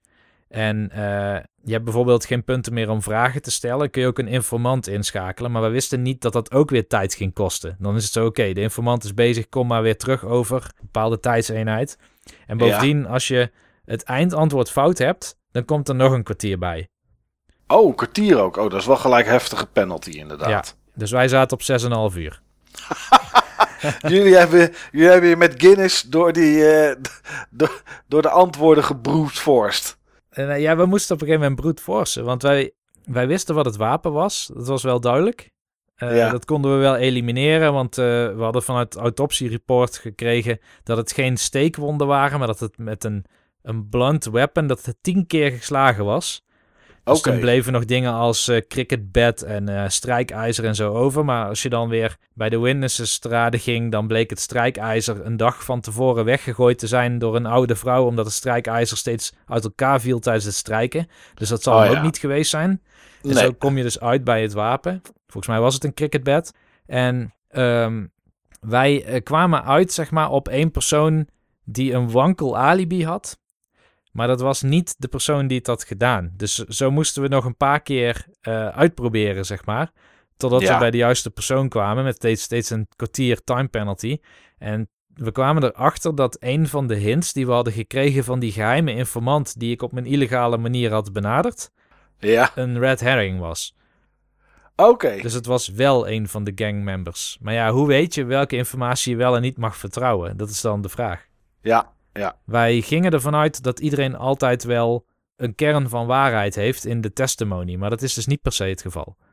Oké. Hoe wist je trouwens dat dit was, Niels? Is dat ergens een website of zo? Als mensen denken, hé, hey, als dit in Nederland is, dan wil ik dat ook wel eens een keertje, keertje doen. Eh, dit kwam eigenlijk van een collega en het stond kennelijk in de krant of zo. Oh, oké. Maar ehm, ik denk dat, kijk, de applicatie heet Clued Up Detective. Dus Cluedo Up, zeg maar, Clued Up Detective. En ik neem aan dat daar wel een, eh een table Push staat. notificatie. Ja, precies. Of wat dan ook als het een keer is. Ja. Oké, nou grappig. Wel grappig concept moet ik zeggen. Ja, super, super tof. Dat was leuk om te doen. Ik, eh, misschien doe ik het nog wel een keer. Het was leuk genoeg om het nog een keer te doen. Maar het was niet eh, helemaal wat ik had verwacht, zeg maar. Wat ik jammer vind is... oké. Ik had liever dat dat hele ontrafelen van het mysterie wat meer verwoven zat in het spreken van die, van die mensen. En dat je dus ook tijdens het rondlopen in Utrecht al meer narratief werd geladen. En nu was het echt, oké, we lopen rond. Maar misschien is het dat die strategie hoor, die we hadden. En dan gaan we daarna in de kroeg gaan we het verhaal wel eens even uitpluizen. En als dat wat meer bij elkaar had gehoord, was het sterker geweest. Ja, precies. Nou ja, goed. Het is toch, het is toch wel grappig dat het over heel de wereld is. En, eh, en dat het dan af en toe ook in Nederland is. Met toch puzzels gewoon van ja, dingen die real life er zijn, zeg maar. Ja. Ja, dat is wel lachen. Mag ik, mag ik een mooi verhaal vertellen wat een beetje zeg maar in dezelfde sfeer eh, is, waar ik ook best wel trots op ben? Ja, natuurlijk. Ik had zeg maar eh, twee weken terug had ik een date Ja. in Rotterdam. Ik ga tegenwoordig al mijn dates ook bespreken zeg maar in, eh in, Buttonbashers. Oké, oh Eh, man, dan mogen we er wel wat uurtjes bij trekken, denk ik. Of niet, Steve? ja, dat wordt een latertje vanavond. Dus eh, nee, ik, het wa- was echt heel gezellig. En ik, ehm, we hadden zeg maar wat gegeten en ook best wel wat gedronken. En omdat we best wel wat gedronken hadden, leek het ons op een gegeven moment een supergoed idee om een escape room te gaan doen. Oké. Het Ja. leek echt een supergoed idee. En ik had zoiets van, nou joh, het is, eh, het, het is donderdagavond. Het is inmiddels zeg maar, ehm, ja, eh, hal- half tien. Eh, nou, voor twee personen, dat gaat hem niet worden hè. Zo werken die escape rooms niet. Nee, dat is vaak zes en zo. Nou, tien over elf. Tien over, Oh. half, tien over half elf zat, zat Steve met zijn date klaar, zeg maar, bij een escape room. Vlak, zeg maar, bij, ehm, bij, eh, bij Centraal. Ja. Want de escape room ging beginnen, hoor. Oh, je ging het echt doen. eh, Ja, met z'n ja, tweeën. Met z'n tweeën. Oké, meestal, ik dacht dat het meestal met zes of acht moest, joh. Ja. dat moet Oh, ook. dat moest ook. Met z'n tweeën. Met een slok op. Hè? Ja. Eh, ik was ook echt super helder. Maar ja, echt, joh, die, die deur ging, die deur ging ehm, open. Het was weg, hè? Ik was gewoon weer, ik was gewoon nuchter, hè? Ja, tuurlijk. eh, ja, eh, eh, joh, dit was super tof. Het was ook echt een toffe room. Maar ehm, ik, ik, ik ben uiteindelijk ook ontsnapt. Samen met mijn date. Die toch een stuk minder scherp was dan, dan ik. Ja, joh, tenger dametje. Dus Ja. dat, dat komt allemaal net eventjes wat harder aan. Er stond standaard 70 minuten voor die escape room. Maar eh, uiteindelijk toen we zeg maar ontsnapten, toen was het, eh, toen was het tien over half één. Ze had ons 50 minuten extra gegeven. Ik heb twee uur gedaan over de escape room. Oh, er was wel, waren wel mensen bij. Was dit, er waren wel mensen bij en die zeiden niet van. eh, van nou, dat is niet slim, meneer en mevrouw, met z'n tweeën. Die dachten gewoon van: hé, hey, er is voor de rest toch niemand, dus we kunnen cash in. Laat ze maar extra, naar binnen gaan. extra omzet, extra omzet. Ja. En eh, op een gegeven moment kregen we er wat tijd bij. Kregen we er weer wat tijd bij. Maar het is wel gelukt. Maar er Oh, zaten ook, waren ook echt toffe puzzels. Maar er waren ook echt gewoon puzzels eh, waarbij... eh, wat, wat gewoon echt lastig was. Dat je gewoon best wel di- dingen moest decoderen op verschillende plekken. Ja, en we waren ook gewoon maar met z'n tweeën. Dus je moet het ten eerste hebben van... eh, van eh, ik noem het eventjes twee sets eh, inzicht en analytisch vermogen. Ja. En je, je hebt gewoon maar twee paar ogen en twee paar handen. ja. Dus maar het was wel echt een toffe room. Oké, maar het was wel te doen dus met Ja. z'n tweeën. Ja, vlakbij eh Rotterdam Centraal. Escape Room 010. En dit was de Escape Room The Book of Mystery. Oké, Super wel een goede originele naam. Escape Ja. Room 010. Een eh Cthulhu eh, thema. Oh, dat is wel een gave setting. Ja, ja. Oké. En waarvoor je geld dan? Twee uur. ja, twee uur. Dat is wel lachen. Ja, dat is wel lachen. Oké, nice, Steve. Ehm, ja, wat heb ik gespeeld? Ehm, nee, eh, ja, ik heb wel meer gespeeld dan waar ik het over wil hebben. Ehm, ik ga het over anderhalve game hebben. Eh, de eerste game zal ik helemaal het over hebben, zeg maar. Ehm, en dat is iets wat ik eh, eigenlijk niet van plan was te spelen. Een kameraad van mij had het gekocht. Die vond het verschrikkelijk.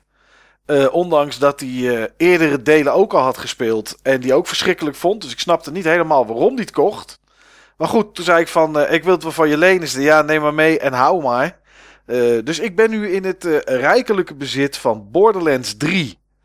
En eh, dat heb ik ook redelijk wat gespeeld de afgelopen dagen. Het, het is nou niet echt een game waar ik heel veel over kan vertellen. Niet omdat ik niet weet wat ik aan het doen ben. Of... ehm, ja, waar het over gaat. Maar ja, het is natuurlijk op zich een vrij standaard, simplistische game. Eh, voor mensen die echt geen idee hebben wat Borderlands is. eh, Al kan ik het me niet heel goed voorstellen. Het is eigenlijk gewoon een ordinaire looter shooter. first person in een zeer overdreven en soms humoristische wereld. Eh, soms humoristisch is omdat ik er niet altijd om kan lachen. Maar eh, dat is het zeker wel, eh, zo is het wel bedoeld. En het staat wel bekend om zijn, nou, laten we maar zijn mooi oud Nederlands woord bij halen, flamboyante personages. Het is ehm, de eerdere drie Borderlands games, moet ik zeggen, zijn Borderlands 1, 2 en Borderlands de pre-sequel. En eh, die gingen eigenlijk allemaal over de grote schurk Handsome Jack. En Handsome Jack was eh, nou ja, een Vault Hunter. Dat is wat jij ook bent. Alleen eh, hij was de slechterik. En nou ja, probeerde jou tegen te houden. In alles wat je wilde doen. En dat is het zoeken van een vault. Dus van een kluis. Waar dan eh, nou ja, rijkdom zeg maar ligt. Ehm, in Borderlands 3 ben je dat weer. Je bent weer een Vault Hunter. Handsome Jack, die doet niet meer mee. Die is eh, eh, vervangen door een, eh, door een dame in dit geval. Ehm, ja, en wat je eigenlijk doet is van planeet naar planeet gaan. Daar de missie volgen.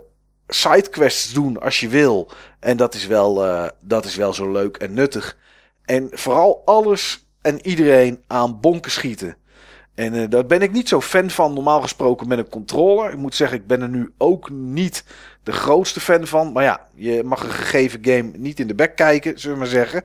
Ehm, ja, en dat is best leuk. Moet ik, moet ik eerlijk toegeven. Het is, eh, de schietmechanics die zijn, zijn super. Dat hadden ze, eh, had Gearbox bij de vorige games ook al goed op orde. Dus dat zit nu ook wel, eh, dat zit nu ook wel snor. Er zitten meer dan 1 miljoen verschillende wapens in de game.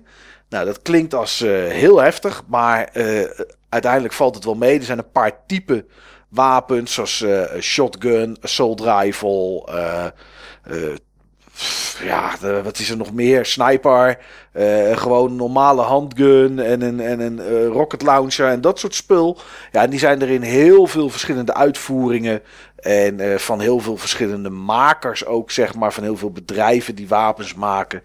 En ja, je, gaat, je, je doet eigenlijk sidequests en normale quests die altijd eindigen in schieten. Zij het op een hoop tegenstanders of een baas. Eh, je krijgt weer nieuwe loot. Hopelijk verbetert dat je personage iets. Je levelt. Je geeft die punten uit in een skill tree.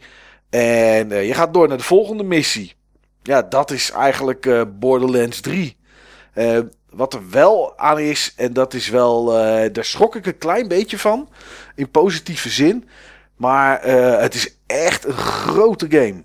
Ze hebben. eh, de, de gebieden zijn groot. Het startgebied waar je begint. Als je de map bekijkt, denk je zo.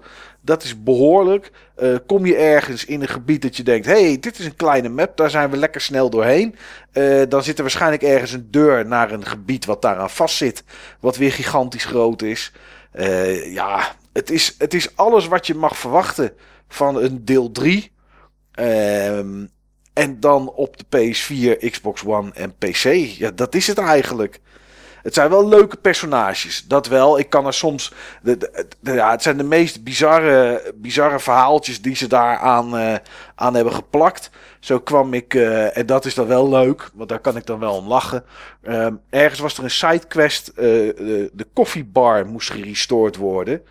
En dat, nou ja, als je daar aankomt, dan moet je op een knop drukken om de koffiebar te restoren, om die weer eh, op te wekken. Nou, niks werkt natuurlijk in één keer. Je moet altijd ergens weer een item gaan halen, wat weer door iemand, eh, wat door iemand gegijzeld wordt. Eh, en die moet je weer kapot schieten voor dat item. Maar het is wel grappig, je drukt op de knop, de bar startte wel gedeeltelijk op. En toen kwam er een barista-bot. En eh, eh, eh, ja, die robot praatte echt zoals iedereen zeg maar standaard verwacht dat een, eh, een barista met een knotje in zijn haar en eh, praat en dat soort dingen. Dus er wordt wel ho- met een hoop dingen wordt de draak gestoken Hoe op een praat leuke een manier. barista?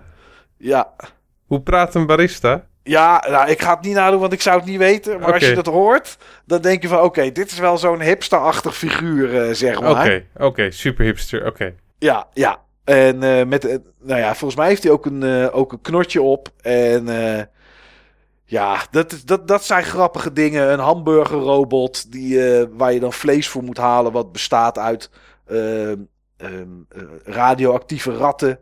En dat vlees moet dan gegrind worden. En eh, die hamburger moet dan afgeleverd worden. En het blijkt dat die robot die aflevert bij een of andere grote tegenstander die een gang leidt in de stad. En dan moet je daar alles en iedereen weer aan bonken schieten. Alles komt uiteraard neer op aan bonken schieten en kapot maken. Maar het is op een of andere manier heel tof om te spelen. Eh, het is wel relaxed. Ehm, ondanks dat het best wel, het is best wel pittig van tijd tot tijd. Je kan het co-op spelen met vier personen tegelijkertijd. Ik heb eh, wel even samen met een kameraad van mij die hem op Platinum heeft ge- gehad, eh, gehaald, heb ik een stukje zitten spelen. Puur omdat er een aantal eh trofies zijn die eh, lastig in je eentje te halen zijn. Dus dat was toch wel even grappig om die eh, samen te halen. Maar goed, ehm, ja, er zit een hoop lol in. En misschien wel de grootste lol als je dit met vier mensen speelt.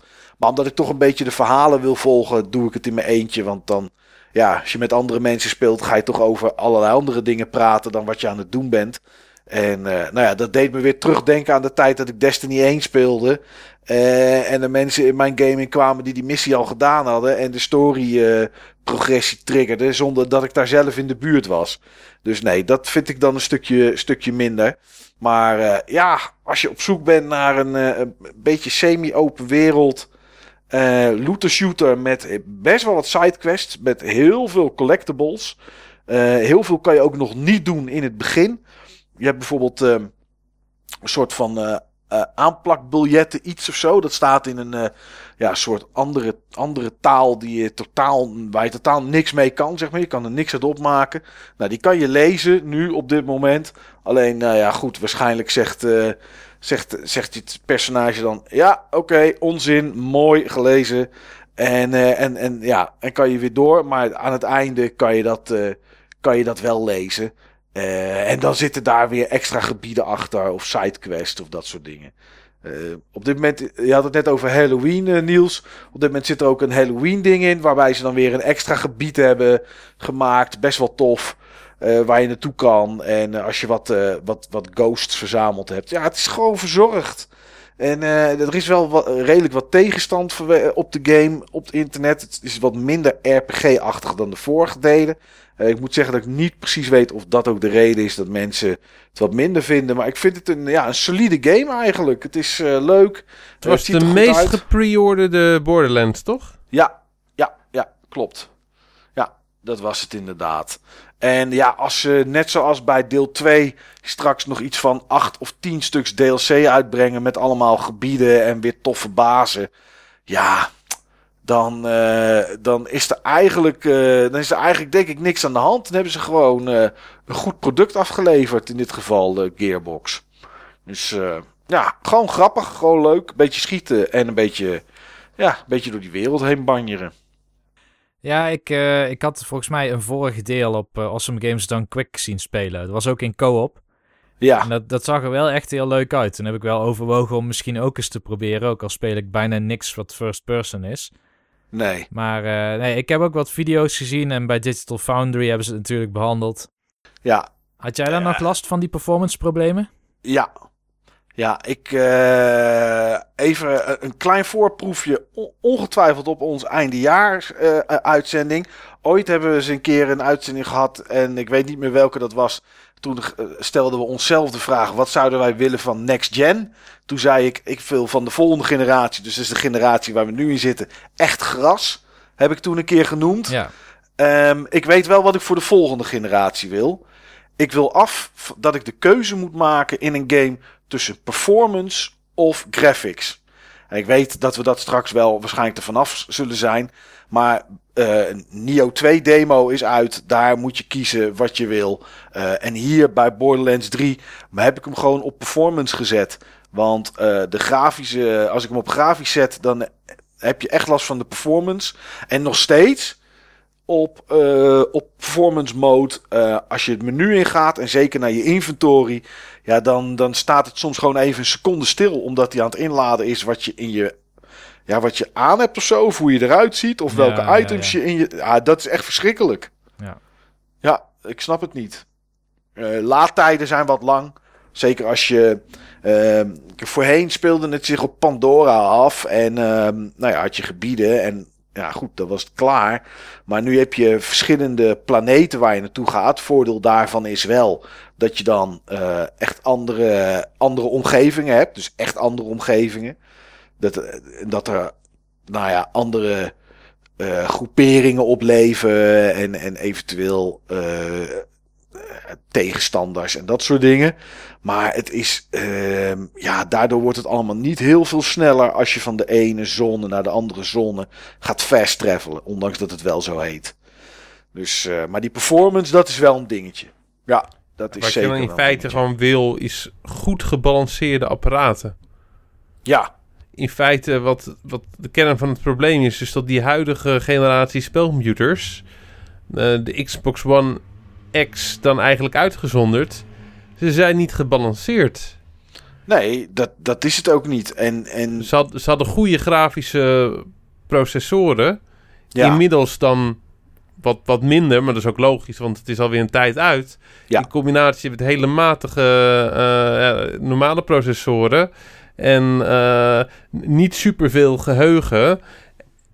Voor, eh, toen het uitkwam wel, maar inmiddels ook zeg maar niet meer wat er, wat er voor nodig is. En eigenlijk een, een veel, veel te lage throughput Ja. qua, qua storage devices. Ja, nee, ja, dat klopt. Ik bedoel, eh, de PS4 en de Xbox One komen natuurlijk uit eind 2013. Dus eh, ja, die hardware is dan niet uit 2013. Dat is natuurlijk van een jaar daarvoor of misschien wel anderhalf jaar daarvoor. Ja, dat, dat is gewoon lang. En eh, die games die willen toch meer, of, of de spelers willen meer. En dan, ja, dan krijg je dus dit soort dingen. En dan moet ik er dus maar voor kiezen dat sommige schaduwen op, op drie meter afstand pas echt inladen. Ehm, en, en dat zelfs het logootje wat draait op het moment dat de game aan het laden is, dat het niet er gelikt uitziet, maar dat ik daar kartelrandjes aan zie. Maar ja, eh, dan kan ik het wel een beetje op normale performance spelen. Maar het is wel zonde. Het is wel zonde. Dus, eh, maar goed, het doet niks af aan het plezier van de game. Dat komt toch vooral uit het schieten en uit de lol, zeg maar, die je haalt van, eh, van de verhaaltjes en, eh, en de personages die erin zitten. Een tweede titel waar ik het heel kort over wil hebben was eigenlijk een game die ik in gedachten had om te bespreken als Hidden Gem. En eh, die is net pas uit, dus ik zou je zeggen, ja, weet je, hoe kan het nou in hemelsnaam een Hidden Gem zijn? Want die game is net uit, dus dat weet je toch helemaal nog niet. Nou de reden dat ik dacht dat het een Hidden Gem was, was dat Niels aan mij vroeg of ik de game kende. Misschien zelfs of ik het gespeeld had of niet, dat weet ik niet meer. Ehm, en de, heel die titel zei mij niets. En nu begint het langzaam pas een beetje op gang te komen. Althans, je ziet er nu langzaam iets meer over verschijnen.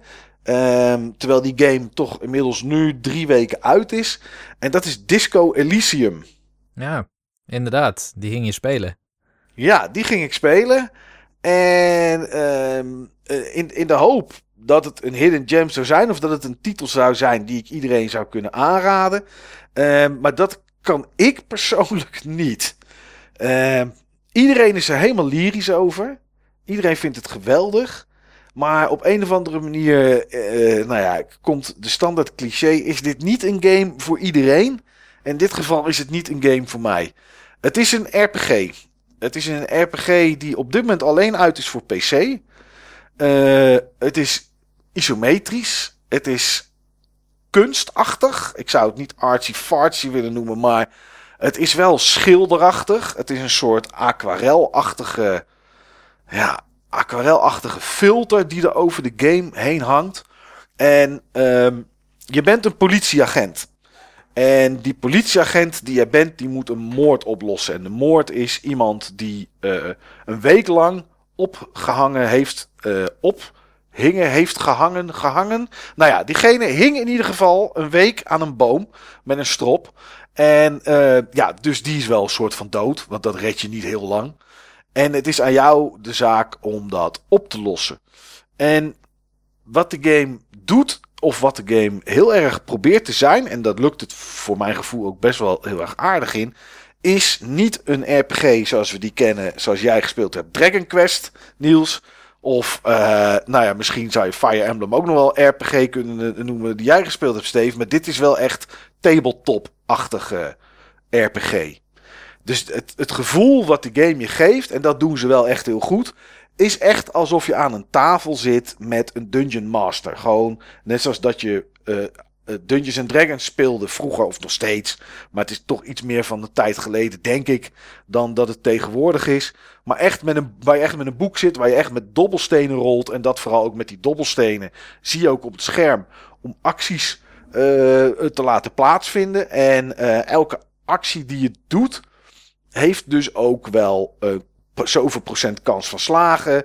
Uh, dan moet je zo hoog voor rollen. En je drukt dan op de knop van de actie uitvoeren. En dan zie je ook echt dat er dobbelstenen zijn gerold. Um, voorbeeldje van dat is: je wordt wakker in een, uh, in een kamer. Je weet niet wat er aan de hand is. Je weet niet waar je bent. En eigenlijk ook weet je niet wie je bent. Nou, dat hebben we in, in duizenden RPG's en in games hebben we dat gezien. Is een heel bekend, uh, heel bekend riedeltje natuurlijk. Van uh, je wordt wakker, je hebt geen idee hoe of wat. Alleen de reden dat dat hier is, is iets anders dan al die andere RPG's. Je hebt je namelijk helemaal de piep gezopen. Uh, je bent stom en stom dronken geweest. Misschien heb je ook nog wel drugs gebruikt. Ehm, het kan allemaal. Maar je bent in ieder geval zo de weg kwijt dat je geen flauw idee meer hebt waar je bent en wie je bent. Nou ja, uh, iets ander begin dan een standaard gezellige RPG. En zo is eigenlijk de hele game, tenminste alles wat ik gespeeld heb en wat ik daarna nog heb zitten kijken, omdat ik dacht: ben ik nou echt de enige bij wie dit niet klikt? Uh, heeft wel een beetje dat thema en dat sausje. Het is, uh, het is, het is duister. Het is, nou ja, niet duister zoals de Diablo 4 onthulling met bloed en dat soort dingen. Maar het is donker, het is grimmig. Uh, het is niet gezellig. Verwacht geen kleurtjes zoals in Dragon Quest 11. Um, een, voorbeeld, daar werkte ik eigenlijk naartoe van uh, hoe dat werkt met dat systeem met het dobbelen. Is dat um, als je dus opstaat uh, uit jouw kamer, je, je wordt wakker, je strompelt een beetje door, jou, door jouw kamer heen. dan loop je in je onderbroek. Nou, jouw kleren liggen her en der liggen die, uh, liggen die verspreid. En als je wil, kan je ook gewoon in je onderbroek de game verder gaan spelen. Ik heb er twee of drie keer opgestart om te kijken wat de verschillende uh, settings zeg maar deden. De verschillende beelds die er waren. Omdat ik denk, nou misschien is er een ander soort beeld die beter bij mij past. Maar daar kom ik zo nog wel even op terug. Um, en ja, goed. Ik vond het toch wel netjes om mijn kleren aan te doen. Dus ik pakte mijn broek. Ik pakte, me, ik pakte een overhemd en, eh, en mijn jasje. Maar mijn, uh, uh, mijn stropdas die hing aan de plafondventilator en die draaide. Nou, dan kan je ervoor kiezen om de ventilator stop te zetten en dan je, je overhemd of je overhemd, je stropdas te pakken.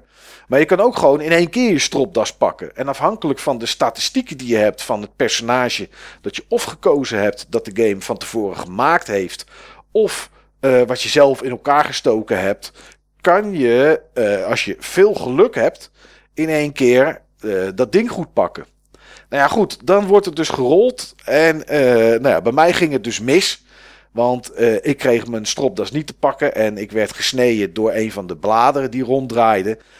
Ja, dan krijg je dus damage. En ja, goed, dan kan je hem daarna alsnog stopzetten om hem eraf te halen. Maar dan zie je dus echt hoeveel procent kans van slagen je hebt en wat je minimaal moet gooien. Nou ja, dan worden dobbelstenen worden gegooid en dan... Uh, ja goed, dan heb je geluk of dan heb je niet geluk. En zo zitten al dat soort keuzes zitten in elkaar. Bij dit soort acties, maar ook bij eventuele gevechten en dat soort zaken. Dan, ja, dan, dan komen de dobbelstenen komen er te tafel. De reden waarom het bij mij niet klikt, is niet omdat ik dit niet leuk vind of dat ik de sfeer niet tof vind. Maar um, ik hou best van een beetje verhaal in een game. En ik wil best gesprekken hebben met personages. Maar het werd mij eigenlijk bij het starten van de game al te veel. Je bent dan namelijk aan het praten met uh, je hersenen en ook met je lichaam. En die zijn eigenlijk een beetje tegen elkaar aan het praten. Want je hersenen willen dit en je lichaam wil opstaan. En uh, je maakt daar zelf ook keuzes in. Uh, of die keuzes ook later nog van invloed zijn, weet ik niet. Alleen de taal die gebruikt werd, deed mij een beetje. Nou, ik zal niet zeggen dat het het helemaal is, maar ik vond het een beetje Shakespeare-achtig overkomen. ik moet zeggen, dat trekt mij niet heel erg. Uh, mijn Engels is op zich prima. Ik bedoel, uh, daar, daar denk ik zelf. Daar is niks mis mee. Maar er was toch een hoop dat er extreem dure, lange, moeilijke woorden werden gebruikt. Waardoor ik dacht, en zeker omdat het je brein was tegen je lichaam, terwijl je zelf nog in een half soort delirium was, dat ik dacht, ik snap gewoon helemaal niet waar het over gaat. Wat is dit allemaal voor gezwets en geneuzel? Nou goed, daarna ehm, ehm, was ik aan het spelen en dan kom je figuren tegen. Uh, heel weinig is gesproken, heel veel is lezen. En echt, echt heel veel lezen. Uh, iets te veel lezen. En ja, dat was eigenlijk het punt dat ik dacht: oké, als de hele game zo is, en dat is de game wel, uh, nee, dan is dit niet de titel voor mij. Uh, er zijn een hoop mensen die enthousiast zijn over de game, want er zit. Ja, je kan je personage helemaal uitbouwen zoals je wil. Ik heb wat dingen gelezen en, en, en bekeken nog. Uh, ja, weet je, als jij een, een, een racistische, egoïstische, uh, politieagent wil spelen, dan kan het. Uh, als jij een, een rouwdouwer wil zijn die niks met intelligentie oplost, maar alles met zijn vuisten uh, en, een, en een communistische inslag wil hebben, dan kan het. Uh, je, je hebt um, um, skills die je in een soort van je brein kan equippen. Waardoor als je ze maar lang genoeg in je brein hebt zitten, je daar skills voor terugkrijgt. Het is, het is iets wat, wat je met niks kan vergelijken. Het is ook niet dat je zegt, ik doe dexterity erbij of ik doe meer hitpoints erbij. Het zijn dan altijd raar geformuleerde skills waar je, uh, die je dan upgrade. Het is, het is heel, heel apart. En ik zou iedereen aanraden, als je enig, enige interesse hebt in deze game, het komt volgend jaar ook naar consoles. Uh, kijk echt even goed wat video's. Ik moet zeggen dat die van. Uh, God, hoe heet die Brit ook alweer? Die altijd zo zuur is met zijn hoge hoed op en, en een groot postuur. Jim Sterling? Ja, Jim Sterling. Uh, die heeft er onlangs een video over gereleased. Uh, die is er helemaal lyrisch over. Maar goed, dat is een Engelsman. Uh, dus qua taal en zo snap ik dat dat misschien wat meer aanspreekt voor hem. Uh, hij vindt het geweldig en hij zei: Dit is een game dat als ik niet aan het spelen ben, denk ik aan deze game. Nou ja, goed, dat heeft hij niet zo vaak, uh, weet ik. Maar ja, die vond het helemaal geweldig. Alle websites vinden het geweldig. Als je op Metacritic kijkt, is het geloof ik de derde game van dit jaar qua hoogste score. Ik geloof dat de uitbreiding van Monster Hunter World staat er nog boven. En nog een andere game. Weet even niet op mijn hoofd welke dat is. Dus het scoort super, super hoog. Maar nee, voor mij is het niet. En ik dacht, omdat ik het niet kende toen jij het aan mij vroeg, dus dacht ik, wat is dit? Toen zag ik de scores, toen dacht ik, oké. Uh, ik heb er bijna nergens iets. Nee, nee ik, heb, ik had er nog nergens iets gelezen over op websites. Ik denk, nou, misschien is dit een hidden gem. Ondanks dat die net uit is. Maar voor mij is het dat totaal niet. Nee, ik hoor het. Uit jouw beschrijving krijg ik juist wel zin om het te proberen. Ja, dat snap ik. Dat snap ik. Het, is ook zeker iets wat bijna niet iemand je aan of af kan raden, zeg maar. Behalve als je denkt, ik heb sowieso geen zin in gesprekken. Ja, dan moet je er niet aan beginnen. Nee. Uh, maar ik kan me heel goed voorstellen dat dit iets is omdat er ook niks is wat ik ermee zou ver kunnen vergelijken. Ik, kan, ik zou kunnen zeggen, ja, uh, Pillars of Eternity. Want daar heb je ook heel veel gesprekken in. Ja, dat klopt. Maar dat is toch niet als dit. Nee. Nee, dus hier kan je eigenlijk alleen maar achterkomen of dit iets voor je is door het te proberen. Uh, kijk je wat video's en lees je wat reviews erover. En denk je op dat moment al: oké, okay, waar ze het hier over hebben, vind ik er echt niks. Ja, dan moet je het niet kopen, want dan weet je zeker dat het niet iets voor jou is. Maar als je twijfelt, ja, dan is er eigenlijk maar één manier en dat is door het te proberen. Ja, en dat is misschien zonde van je geld. Maar ja, goed, dat is dan uh, de keuze die je maakt, zeg maar. Dat is ook de keuze die ik heb moeten maken.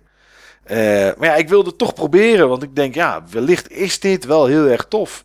Maar ik, nee, dit, ik kom hier niet doorheen. Dit is echt niet iets voor mij. Ja. Ja, goed. Uh, ik had hem dus willen gebruiken als het wel tof was. In het onderdeel van de Hidden Gems. En dan had ik hier misschien een andere game genoemd in de Game Talk. Maar goed, die kans is verkeken. eh, zowel voor beide opties. En eh, ja, laten we even een kleine benenstrekpauze nemen. En dan gaan we daarna kijken naar welke Hidden Gems wij hebben opgesnorkeld.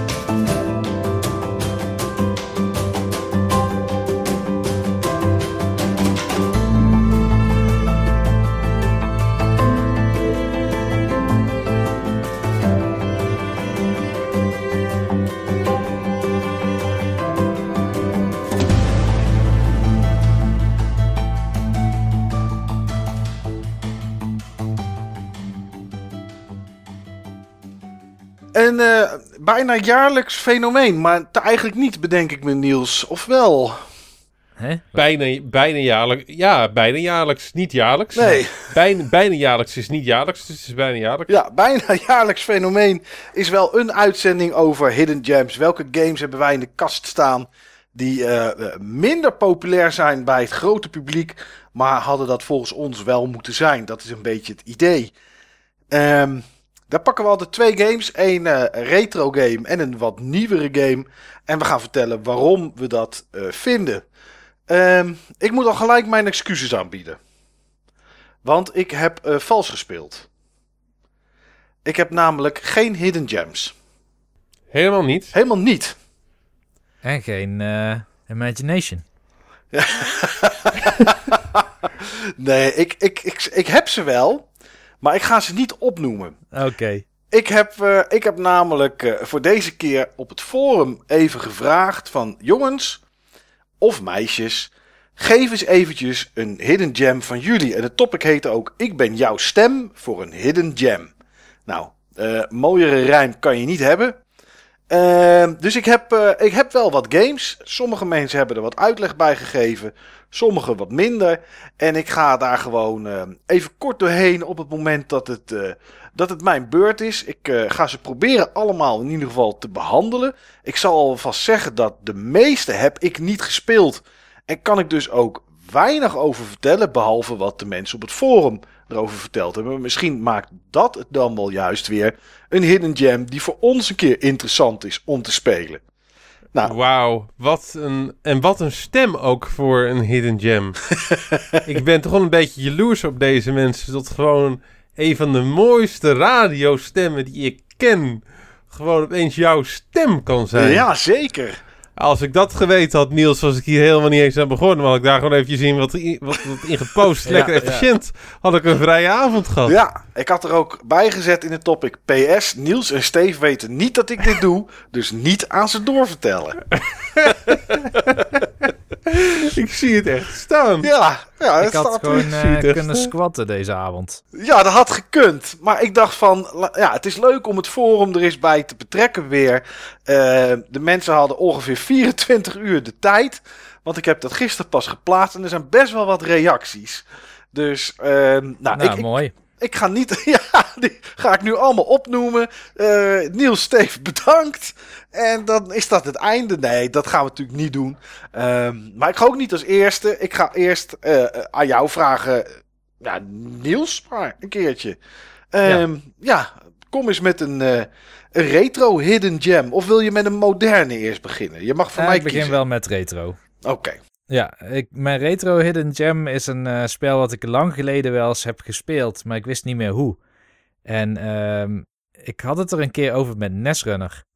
Ik zei, heb jij dat spel gespeeld met dat je zo'n tankje bent en dan kun je met z'n tweeën doen op de NES en dan spawnen er tanks en dan moet je levels overleven. Een stuk of twintig tanks moet je dan neerschieten, je moet zelf niet afgaan en je moet je basis verdedigen. En ehm, ik weet niet meer hoeveel levels er zijn, maar dat zijn allemaal van die single screen black box-achtige eh, graphics, zeg maar. En eh, hij zei, ja, die ken ik. Eh, dat is Battle City. Het zegt mij helemaal niets. Nee, want hij is ook niet in Europa uitgekomen tot de. Virtual Console, Mm, de Wii. Maar wat je misschien wel kent is Battalion Wars. dat ken ik wel.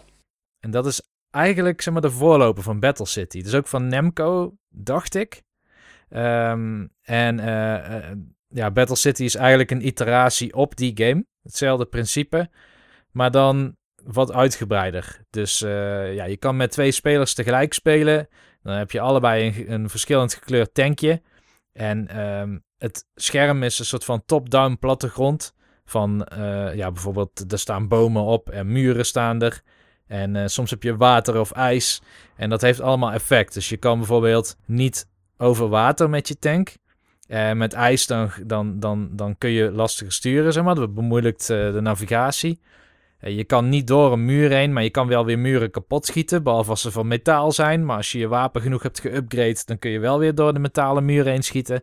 Dus het is best wel een diepe co-op multiplayer game. En ehm, de manier waarop Nesrunner hem vroeger had, was omdat hij zo'n pirate card had. Zo'n 160 in 1 of zo. Oh ja, waar, waar ze zoveel games op gooiden met een minuutje en dat je kon kiezen inderdaad. Ja, en eh, die heb ik dus ook een keer eentje gekocht, ook via Nesrunner dit jaar. Alleen voor Battle City. Oké, oh dat is wel maakt dapper. die kaart waar. Maar je kan, ook, je kan hem ook kennen als Tank 1990. Dat is namelijk een eh romhack van Battle City. En die staat weer op andere clone. eh, wat is het? Van die, van die pirate cards. Oké. En was het een Amerikaanse game of een Japanse game, eh, Niels? Of Een die- Japanse game, ja. Oké. Maar wel in het Engels. Ja, hij is compleet in het Engels, ja. Er zit ook verder geen tekst in, er zit niet echt muziek in, want je hoort de hele tijd die tank rijden, zeg maar. Dus het is een hels kabaal. Ja. Eh, Dus je hoort alleen maar rijden en schieten. En eh, ja, die, elk level wordt weer iets moeilijker. Eh, vijanden spawnen gelukkig altijd boven, dus je hoeft niet bang te zijn dat als je rondrijdt dat er iemand onder je, uit, onder je door spawnt of zo. En je hebt ook verschillende tanks. Dus sommige tanks die moet je vier keer raken. Sommige tanks die kun je in één keer raken. En andere die gaan weer heel snel. AI-patterns zijn nog best wel aardig van die tanks ook. En het, het is best een uitdagend spel. Dus een level of 10 overleef je wel. Maar eh, ja, het wordt toch al snel moeilijk genoeg. Vooral omdat je op een gegeven moment gewoon heel veel open ruimte hebt. Want je hebt de muren overal weggeschoten. En dan is het uitkijken. want Kogels gaan best wel snel op je af. Dus eh, je probeert eigenlijk zoveel mogelijk buiten schot te zijn. Ja. En eh, ja, als je een kogel afschiet, dan hoop je zeg maar dat die andere tanker inrijdt. En dat je ondertussen weer bent weggereden, zodat hij niet kan terugschieten. Oké. En is dit, is dit leuk ook in je eentje of is het echt wel gemaakt voor twee spelers? Ik vind het wel leuk in mijn eentje. Maar voor twee spelers vind ik het ook echt wel de Virtual Console prijs of zo'n cardprijs waard. Dus ik heb volgens mij 15 euro of zo betaald. Ja. En alleen voor die game is dat het al waard. Oké. Ik kende, kende jij hem, Steve? Nee, Hmm. nee. Battle City heb ik wel eens van gehoord, denk ik. Misschien wel van jou, Niels. Dat zou zeker kunnen, ja. Maar nee, dat... ehm, als game ken ik hem niet, alleen qua naam. Ja. Oké, dus als mensen denken, hey, dit moeten we hebben. Dit is een leuke co-op game voor de NES. Wat zo klinkt het wel in ieder geval, Niels. Mhm. Dan eh, moeten ze of kijken dus naar... eh, ja, of ze moeten ergens een ROM vinden en die op zo'n... eh, op, op, op zo'n SD-kaartachtige constructie zetten. Of ze moeten zo'n zo'n 500 in één NES-kaart kopen. Of Virtual Console dus. Ja, of Famicom, want daar is hij uitgekomen. Oké. Ja, ik heb hem. eh, de, de cover zegt me wel iets. Ik heb de cover wel eens gezien met dat mannetje op die tank. Ja. Die Famicom cover. Battles. Nou, dit is dus echt een hid- hidden gem kennelijk, hè? Want eh, hij is niet zo bekend. Nee, inderdaad. En is niet. eh, ja, als die hier niet uitgekomen is, dan wordt het al eh, sowieso natuurlijk eh, een stuk lastiger. Maar het ziet, er, het ziet er wel grappig uit, inderdaad. Eh, ik heb ondertussen even wat gameplay, eh, wat, wat gameplay gehad. Het is een soort, ja. Weet je niet, lijkt een beetje een soort eh, Bomberman-esthetiek zit eraan. eh. Ja, Ja, dat herken ik ook wel, ja. ja, en dat Maar dan dan, met eh, tanks. met dan met tanks, inderdaad, ja. Oké, grappig. En ze maken ook echt figuurtjes met die levels. Ja, inderdaad, gezichtjes. Ik heb hier, een, ik heb hier een spookje. Oh ja, oké. Beetje hetzelfde als wat, eh, wat ze deden bij, eh bij Bubble Bobble, zeg maar. Eh, ja, dat moest ik ook aan denken. ja, ja. Ah, wel grappig. En ook met verschillende... Je kan door de bosjes heen rijden en dan ziet die ander je niet, zie ik. Ja. Dan eh, ziet diegene niet heel goed waar je naartoe gaat. Ah, dat is wel grappig gedaan. Het lijkt een beetje op eh, Combat. Ja, dat Ja. ook, ja. Die, qua besturing. Ja, het doet uh, Leentje Buur bij eh, heel veel dingen, maar maakt het dan blijkbaar wel een leuke game. Ja, raar dat, eh, of zonde, laat ik dat dan maar zeggen, dat het nooit hier is uitgekomen. Ja, dan misschien was het niet eh, interessant genoeg, dat zou natuurlijk kunnen. Oké, Niels, nou, eh, leuke, leuke titel.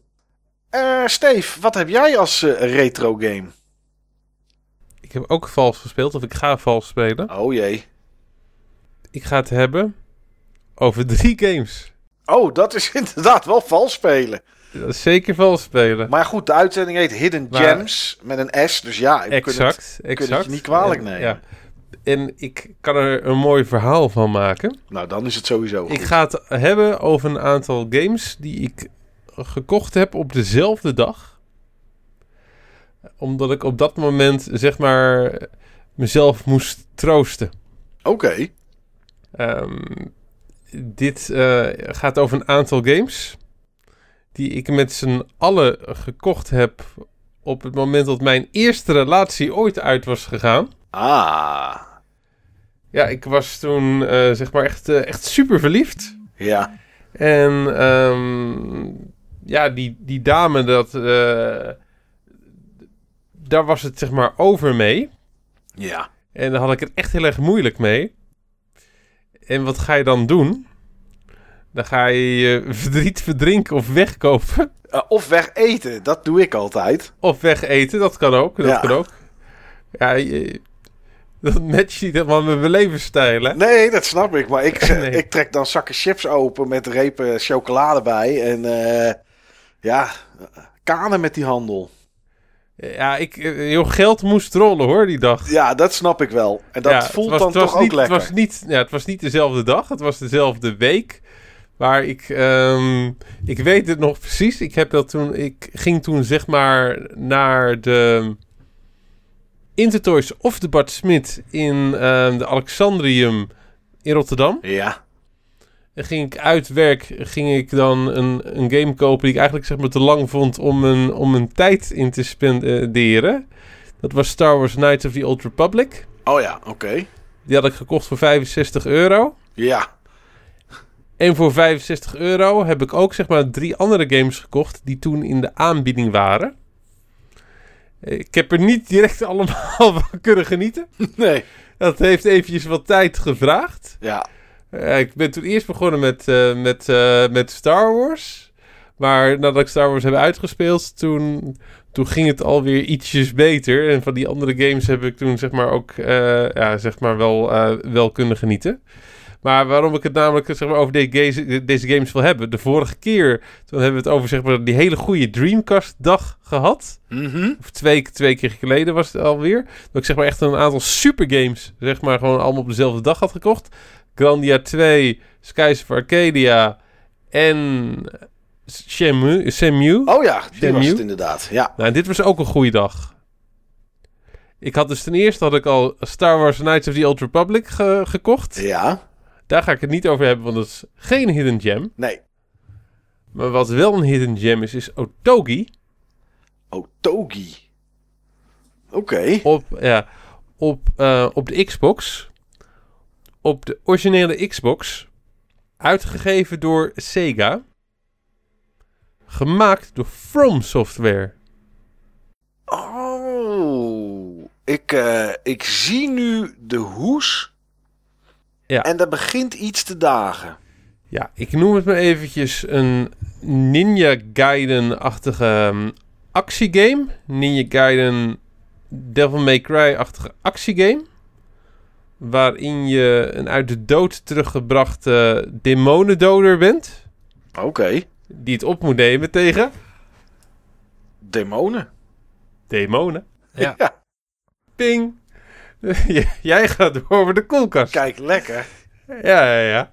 En eh, hele sfeervolle game. Hele sfeervolle graphics. Ik had ook nog nooit zeg maar een game gespeeld in, eh, in, in die sfeer. Eh, ja, ik, ik noem het eventjes mistige Japanse ehm, bossen. Ja. Mistige Japanse dorpen. Mistige Japanse grotten. En ook zeg maar een beetje van die Japanse eh, ghostly muziek op de achtergrond. Ik zie hier ook eh, nu een soort van eh botenkerkhof of zo waar... Ja. Ja. Had een hele creepy, onheimliche sfeer. Oké. Ja. Is denk ik de enige From game die ik echt wat langer gespeeld heb. Ja.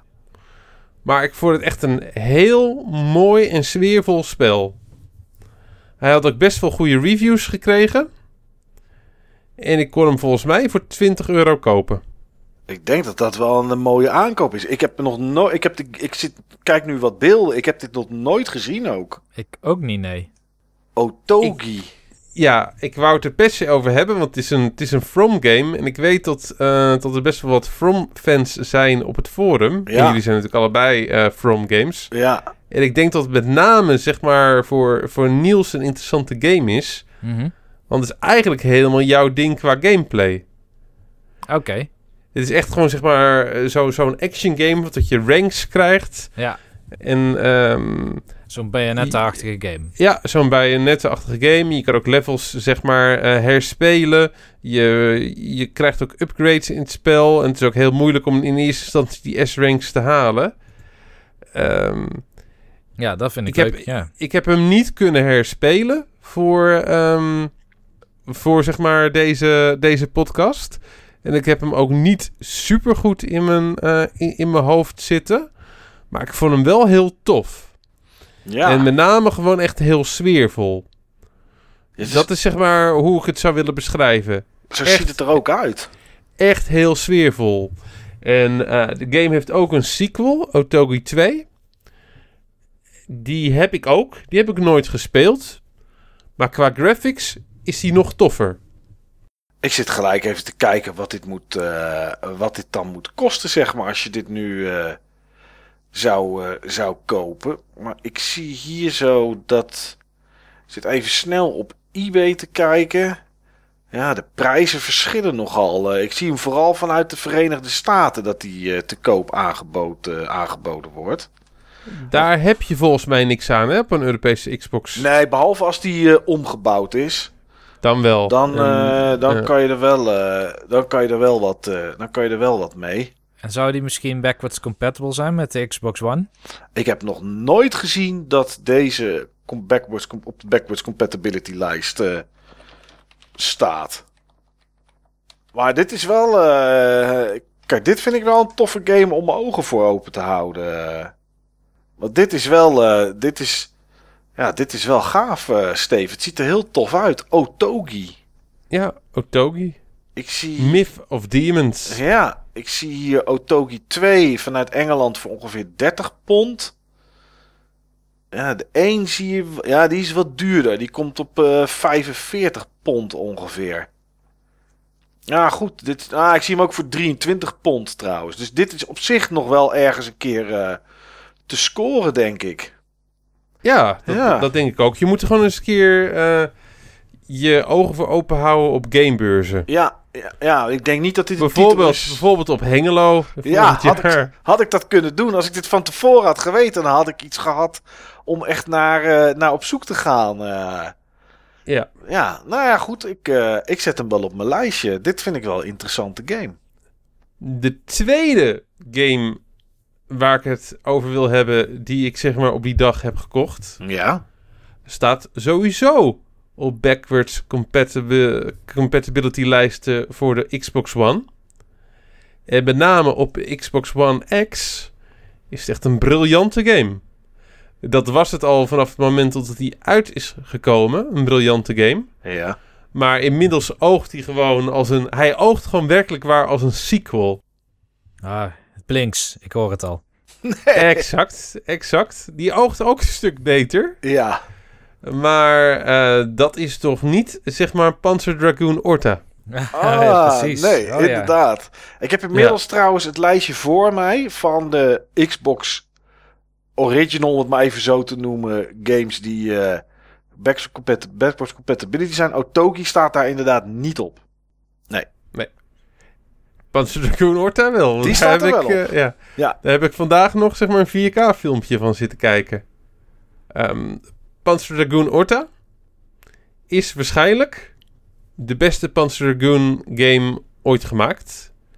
Eh, ik, nu heb ik het even over de, de, de beste echte Panzer Dragoon game ooit gemaakt. Dan noem ik die eh Panzer Dragoon Saga. Ja. Tel ik eventjes niet mee. Die heb ik ten eerste niet gespeeld. Ik ken hem niet zo heel erg goed, die RPG. Mhm. En dan vind ik toch geen Panzer Dragoon game. Dat vind ik meer een RPG in Panzer Dragoon universum. Ja, precies. Ja. Dus, maar ehm, van, de, van de drie games met, ik noem het eventjes, Star Fox-achtige gameplay... Mhm. Is dit veruit de meest uitontwikkelde en veruit de meest toffe. Oké. Briljante, briljante eh, sfeer, briljante artstyle. Super toffe, eh, super toffe graphics. En ja, eh, deze game klopt gewoon. De- dus ook hier is de sfeer weer zo bijzonder in, ehm, in, in, in dat spel. Ehm, je zit op een draak, vliegt op een draak. Je kan vier kanten uitkijken. Eh, standaard naar voren. Maar je kan naar links, naar rechts en naar achteren kijken. Ehm, dat is zeg maar de grote gimmick in deze, ehm, in, in deze game. Dat je Mhm. zeg maar continu kan, kan switchen van viewpoint. En zo een betere view hebt op je vijanden. Of überhaupt zeg maar dan zo de enige view hebt op je vijanden. Je zit gewoon continu om je heen te kijken. Om op die manier zeg maar het level uit te pluizen naar, naar je vijanden. En dat is echt, echt heel tof. Ik, eh, Overal, overal om je heen gebeuren er gewoon dingen. ik zit me nu te bedenken. Ik vraag me af of ik überhaupt ooit wel eens een keer een Panzer Dragoon game heb gespeeld. Ik kan me niet heugen. Ik heb ooit een videokaart gehad waar ik hem bij kreeg. Dat was eh, de eerste. Dat Ja. eh, was die videokaart waar we het over, wel eens over hebben gehad. Dat is trouwens een gewild, gewild stukje ehm, eh, Sega-historie. Ja, die inderdaad. Die videokaart waar ook eh, dingen bij zat. De NASCAR of zo. Of weet ik veel. Of Sega Ja, Rally. NASCAR en Virtua Fighter. Ja. Nee, nee, nee, NASCAR. Was NASCAR toch? Ja. Ja. Dus Oké, cool. Ja, die, eh, die tri... Nee, die, eh, die quad-based eh, videokaart. Ja. Ja, ja, ja. Maar ehm, daar hebben we het niet over. We hebben het over Panzer Dragoon eh, ja, Orta. Orta. Ehm, eigenlijk hebben alle Panzer Dragoons een beetje Mobius-achtig eh, stijltje. Mobius is een bekende Franse striptekenaar. Ja. Maar deze heeft het wel het meest van alles. En die artstyle, die was altijd al prachtig. Alleen als je die ziet op een Xbox One X in 4K... Ja. Ja, wat, ehm, wat kan een game een upgrade krijgen zonder een upgrade te krijgen? Ja, dat is wel het, gaaf. Het ziet er gewoon uit als een remake. Ja, ik heb hem hier voor me. Het ziet er inderdaad super goed uit. Ja, dat is echt wel heel erg tof. Eh, als ik een Xbox One X of een Xbox opvolger, die ook backwards compatible is, want dat gaat die gewoon worden, eh, zou hebben, zou dit een van de eerste games zijn die ik zou spelen. Puur gewoon uit benieuwdheid van hoe ziet dat er dan uit? Ja, ja, ik zie het hier ook inderdaad, die 4K gameplay. Het zou gewoon iets van vandaag de dag kunnen zijn, joh. Ja, ja bijzonder hè? Heel En- bijzonder. Ja, en, het, en de, de gameplay is ook zo tijdloos. Ja. Dus eh, joh, we hadden het laatst over die Dreamcast games en hoe, ehm, hoe verouderd eh sommige toch wel kunnen voelen. Ja. Deze game voelt alsof die zeg maar ehm, een jaartje geleden is uitgebracht. Ja. Dat, ziet dat is echt, bizar echt, uit, heel, joh. echt heel bijzonder. Echt heel bijzonder. Dus ehm, ja, ik, ik had het al in, in mijn hoofd dat ik het eens een keertje over deze game wou, eh, wou hebben. En nu was het gewoon het moment daarvoor. Inderdaad. Eh, je bent ook gewoon continu aan het- je, je draak heeft zeg maar ehm, drie vormen. Of, eh, of- drie stijlen waar, je door je, waartussen je eh, continu kan, eh, kan switchen. En die hebben zeg maar een effect op je wendbaarheid en een effect op je vuurkracht. Je hebt zeg maar eentje, daar ben je heel erg, heel erg wendbaar. Ehm, en dan heb je zeg maar een, een, een kanon wat je recht voor je uit kan, kan schieten. Mhm. Ehm, en, en wat je zeg maar vrij kan afvuren. Ideaal om, om, eh, om eh, zeg maar ehm, missiles en dergelijke mee af te weren. Ehm, je hebt zeg maar... dan ben je minder eh, wendbaar, maar wel heel erg stabiel. En dan, dan heb je homing missiles. En iets ertussenin. Oké. Dus dan moet je ook, je moet eigenlijk continu kiezen van welke stijl past hier het beste en waar moet ik naartoe kijken. Dat is, eh, dat is zeg maar. En vervolgens natuurlijk ook nog eens een keer mikken en, en dodgen. Ja. Eh, ja, maar het is echt zo'n tof spel, joh. En er gebeurt zoveel in die, in die levels. Het is echt, echt heel erg, eh, echt heel erg tof. En binnenkort komt er een remake uit van de, van de eerste Panzer Dragoon. Ja. Daar ben ik heel benieuwd naar. Mhm.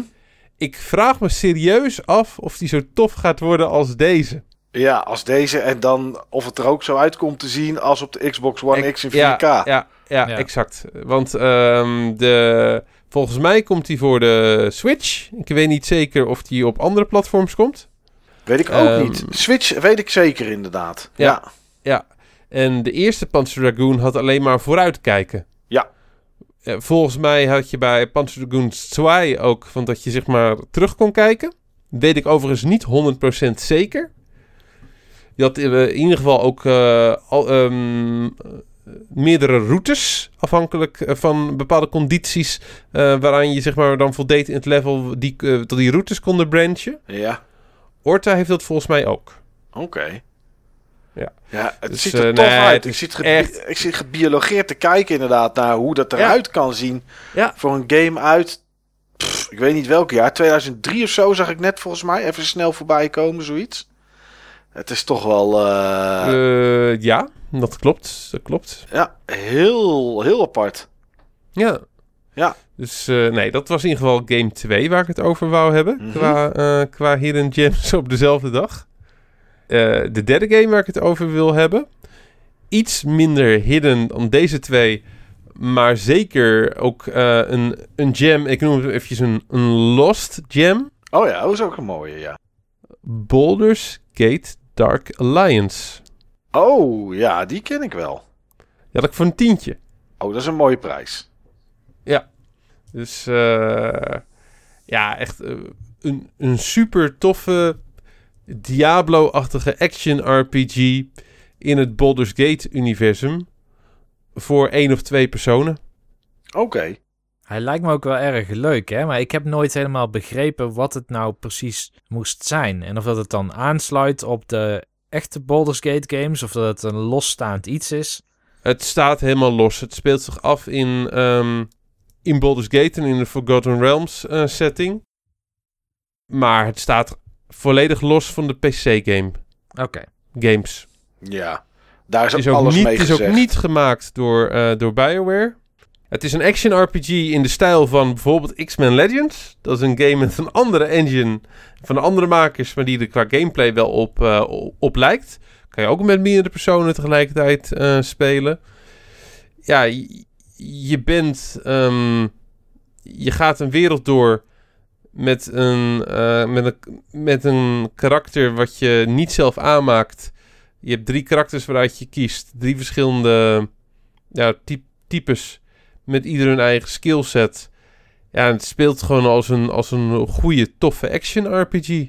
Oké, nice. En dit was een van de eerste action RPG's op consoles die gewoon goed was. Ja, die goed spelen was met een controller. Ja, die goed te spelen was met een controller en er ook gewoon echt goed uitzag voor die tijd. Ja. Met name de watereffecten, ehm, die, eh, die zijn geprezen. Oké. Maar het verhaal ging heel lang tot, die, tot deze game beter was op de PS2. Omdat de watereffecten beter waren op de PS2. Nou, misschien marginaal. Maar de game is gewoon mooier op, ehm, op, op Xbox. Eh, hogere resolutie, betere framerate, uh, stabielere framerate. En nog een aantal andere effecten die gewoon beter waren. Ik heb wel eens een keer comparison eh, video gezien. En dat berust echt op fabeltjes dat de PS2-versie beter was. Zal ik je eens wat zeggen, Steve? Ik, ik heb deze. In mijn, dat is heel goed. In mijn kast staan, uh, ziend ik. Ja. ja. Op welk systeem? Uh, op de Xbox. Mooi. Ja. Dan heb je een hele toffe game. Ja, waarvan ik het niet wist dat, dat het het was. Maar ik uh, keek naar de hoes en ik dacht, potverdorie, die hoes die ken ik. Ja, dat is niet zo raar. Die heb ik wel eens in mijn handen gehad blijkbaar. Want die staat uh, boven bij mij op zolder. Ja, oké, nice. Ik heb hem toen gespeeld als uh, Archer of Rogue. En dat vond ik in ieder geval heel erg leuk. Oké. Je hebt ook nog een, uh, een fighter. En volgens mij een mage. En dit is natuurlijk met meerdere mensen op de Xbox tegelijkertijd te spelen, lokaal, denk ik. Met z'n tweeën. Met z'n tweeën, ja. Ja, dat ja. is wel cool. Ja, nice. Ja. Dus ik kan het, uh, ik kan het zeker aanbevelen om te gaan, uh, gaan spelen. Ik wou net zeggen, dit is, het is wel een mooie dag is, geweest. Ja, dit is gewoon een lekkere wegspeelgame. Ja, dan is het toch qua aankopen een mooie dag geweest, Steve. Ik snap dat het het niet zo voelde destijds. nee, maar uh, toen was het in ieder geval een, een prima dag. Ja. En waar ik ook mezelf uitstekend mee vermaakt heb, is, um, is, is Star Wars Knights of the Old Republic. Ja. Want dit, dat vind ik misschien nog wel het allerbeste spel van deze vier geweldige games. Maar daar gaan we het een andere keer over hebben. Want dit, die kan ik, dat kan ik op geen enkele, dat kan ik op geen enkele manier goed praten om die onder Hidden Gems uh, te scharen. Nee, dat is inderdaad niet te rijmen. Nee. Um, nou goed, normaal gesproken zou ik hier een retro game pakken. Maar zoals gezegd uh, heb ik het uh, aan het forum gevraagd. En uh, nou, ik zal eens eventjes een paar, paar opnoemen. Um, waarvan de eerste toevallig ook een Xbox game is. Die is van Laser Magic en die heeft het over Crash and Burn. de titel zegt me wel iets, maar dat is ook echt het, het, het enige. Um, wat hij vertelt is Crash and Burn uit 2004 op de originele Xbox. Gemaakt door het in 2006 ter ziele gegaane Climax Group, uitgegeven door Eidos. De game neemt het principe van Destruction Derby, maar dan onder het motto alles kan en moet stuk. De stukken vlogen er vanaf en alles stond in de fik tijdens de race, waarbij de grids soms in tegenovergestelde richting van elkaar werden opgesteld. De customization was voor die tijd geweldig. Je kon werkelijk alles veranderen aan je voertuig, van de kleur en de decals tot achterlijke grote spoilers. Ook dat je met 16 spelers tegelijkertijd kon racen, was, was iets dat volgens mij tot dan toe nog nooit was vertoond op een console. Alle races waren tot dusver met maximaal 8 man te spelen. Uh, er staat ook op de hoes dat die Xbox Live online enabled is. En um, daar heeft hij zo nog wel iets over. Hij zegt de game kreeg matige reviews, nul exposure. Zag er grafisch eigenlijk niet uit, maar wat een lol hebben we ermee gehad. Wekenlang, uren achter elkaar heb ik deze game met een groepje vaste Xbox Live vrienden zitten spelen. Een anekdote die we, nu 15 jaar later, nog steeds af en toe naar boven halen, is dat we een Engels sprekend jochie uit onze lobby kikten, waarna die terugkwam en smekend vroeg: Please you guys, you are the only server. Oftewel, we waren de enige die de game speelde op dat moment. Niemand kende het, niemand speelde het, maar voor ons was het wel degelijk een jam. Ja, ik ken de game niet, ik weet niet of jullie de game kennen. Maar, nee, uh, ik ook niet, nee. Ik denk dat het uh, serververhaal nu een beetje lastig wordt om dat nog te doen met je Xbox. Maar uh, hij vond het in ieder geval een hidden gem en misschien is het singleplayer ook nog wel leuk om te spelen. Uh, Cookie Monster kwam aan met Smash Ultimate Destruction voor de GameCube. Zegt mij ook niet echt iets. Um, geen GTA, zegt hij, maar alles smashen met Hulk. Wat een fijne lompe game. Als je ergens een smaal van kunt krijgen, is het deze topper. Um, heeft ook een duit in het zakje gedaan en die zegt I Divine Cybermancy denk trouwens dat die game The Incredible Hulk Ultimate Destruction heet. En niet Smash Ultimate Destruction. Nee. Ja, het zou zomaar kunnen. Ik heb, ik heb niet opgezocht, moet ik zeggen. Maar eh, ik zie hier wel iets met een Hulk-ding inderdaad. De Incredible Hulk Ultimate Destruction. Dat moet hem inderdaad zijn, Steve. Ik kan me namelijk niet voorstellen dat een game die gebruik maakt van de Hulk-license... Hulk niet in eh, de... In de titel de heeft. titel heeft. Ja, ja, en het zou ook een beetje vreemd zijn dat er een game uitkomt op de Gamecube die begint met de naam waar alleen maar Smash eigenlijk in zit als eh, ultieme, ultieme naam. Smash Ultimate Destruction, denk je toch gelijk aan, aan Super Smash Brothers. Maar goed, eh, dat is inderdaad de naam, Steve. Ehm Flozum zei ik dus, die had I Divine Cybermancy. Ook een titel waar ik nog nooit van gehoord heb. Eh, het zegt me ook nog steeds niet heel veel. Want hij heeft erbij gezegd Deus Ex on steroids. Een goede mix tussen RPG en first-person shooter.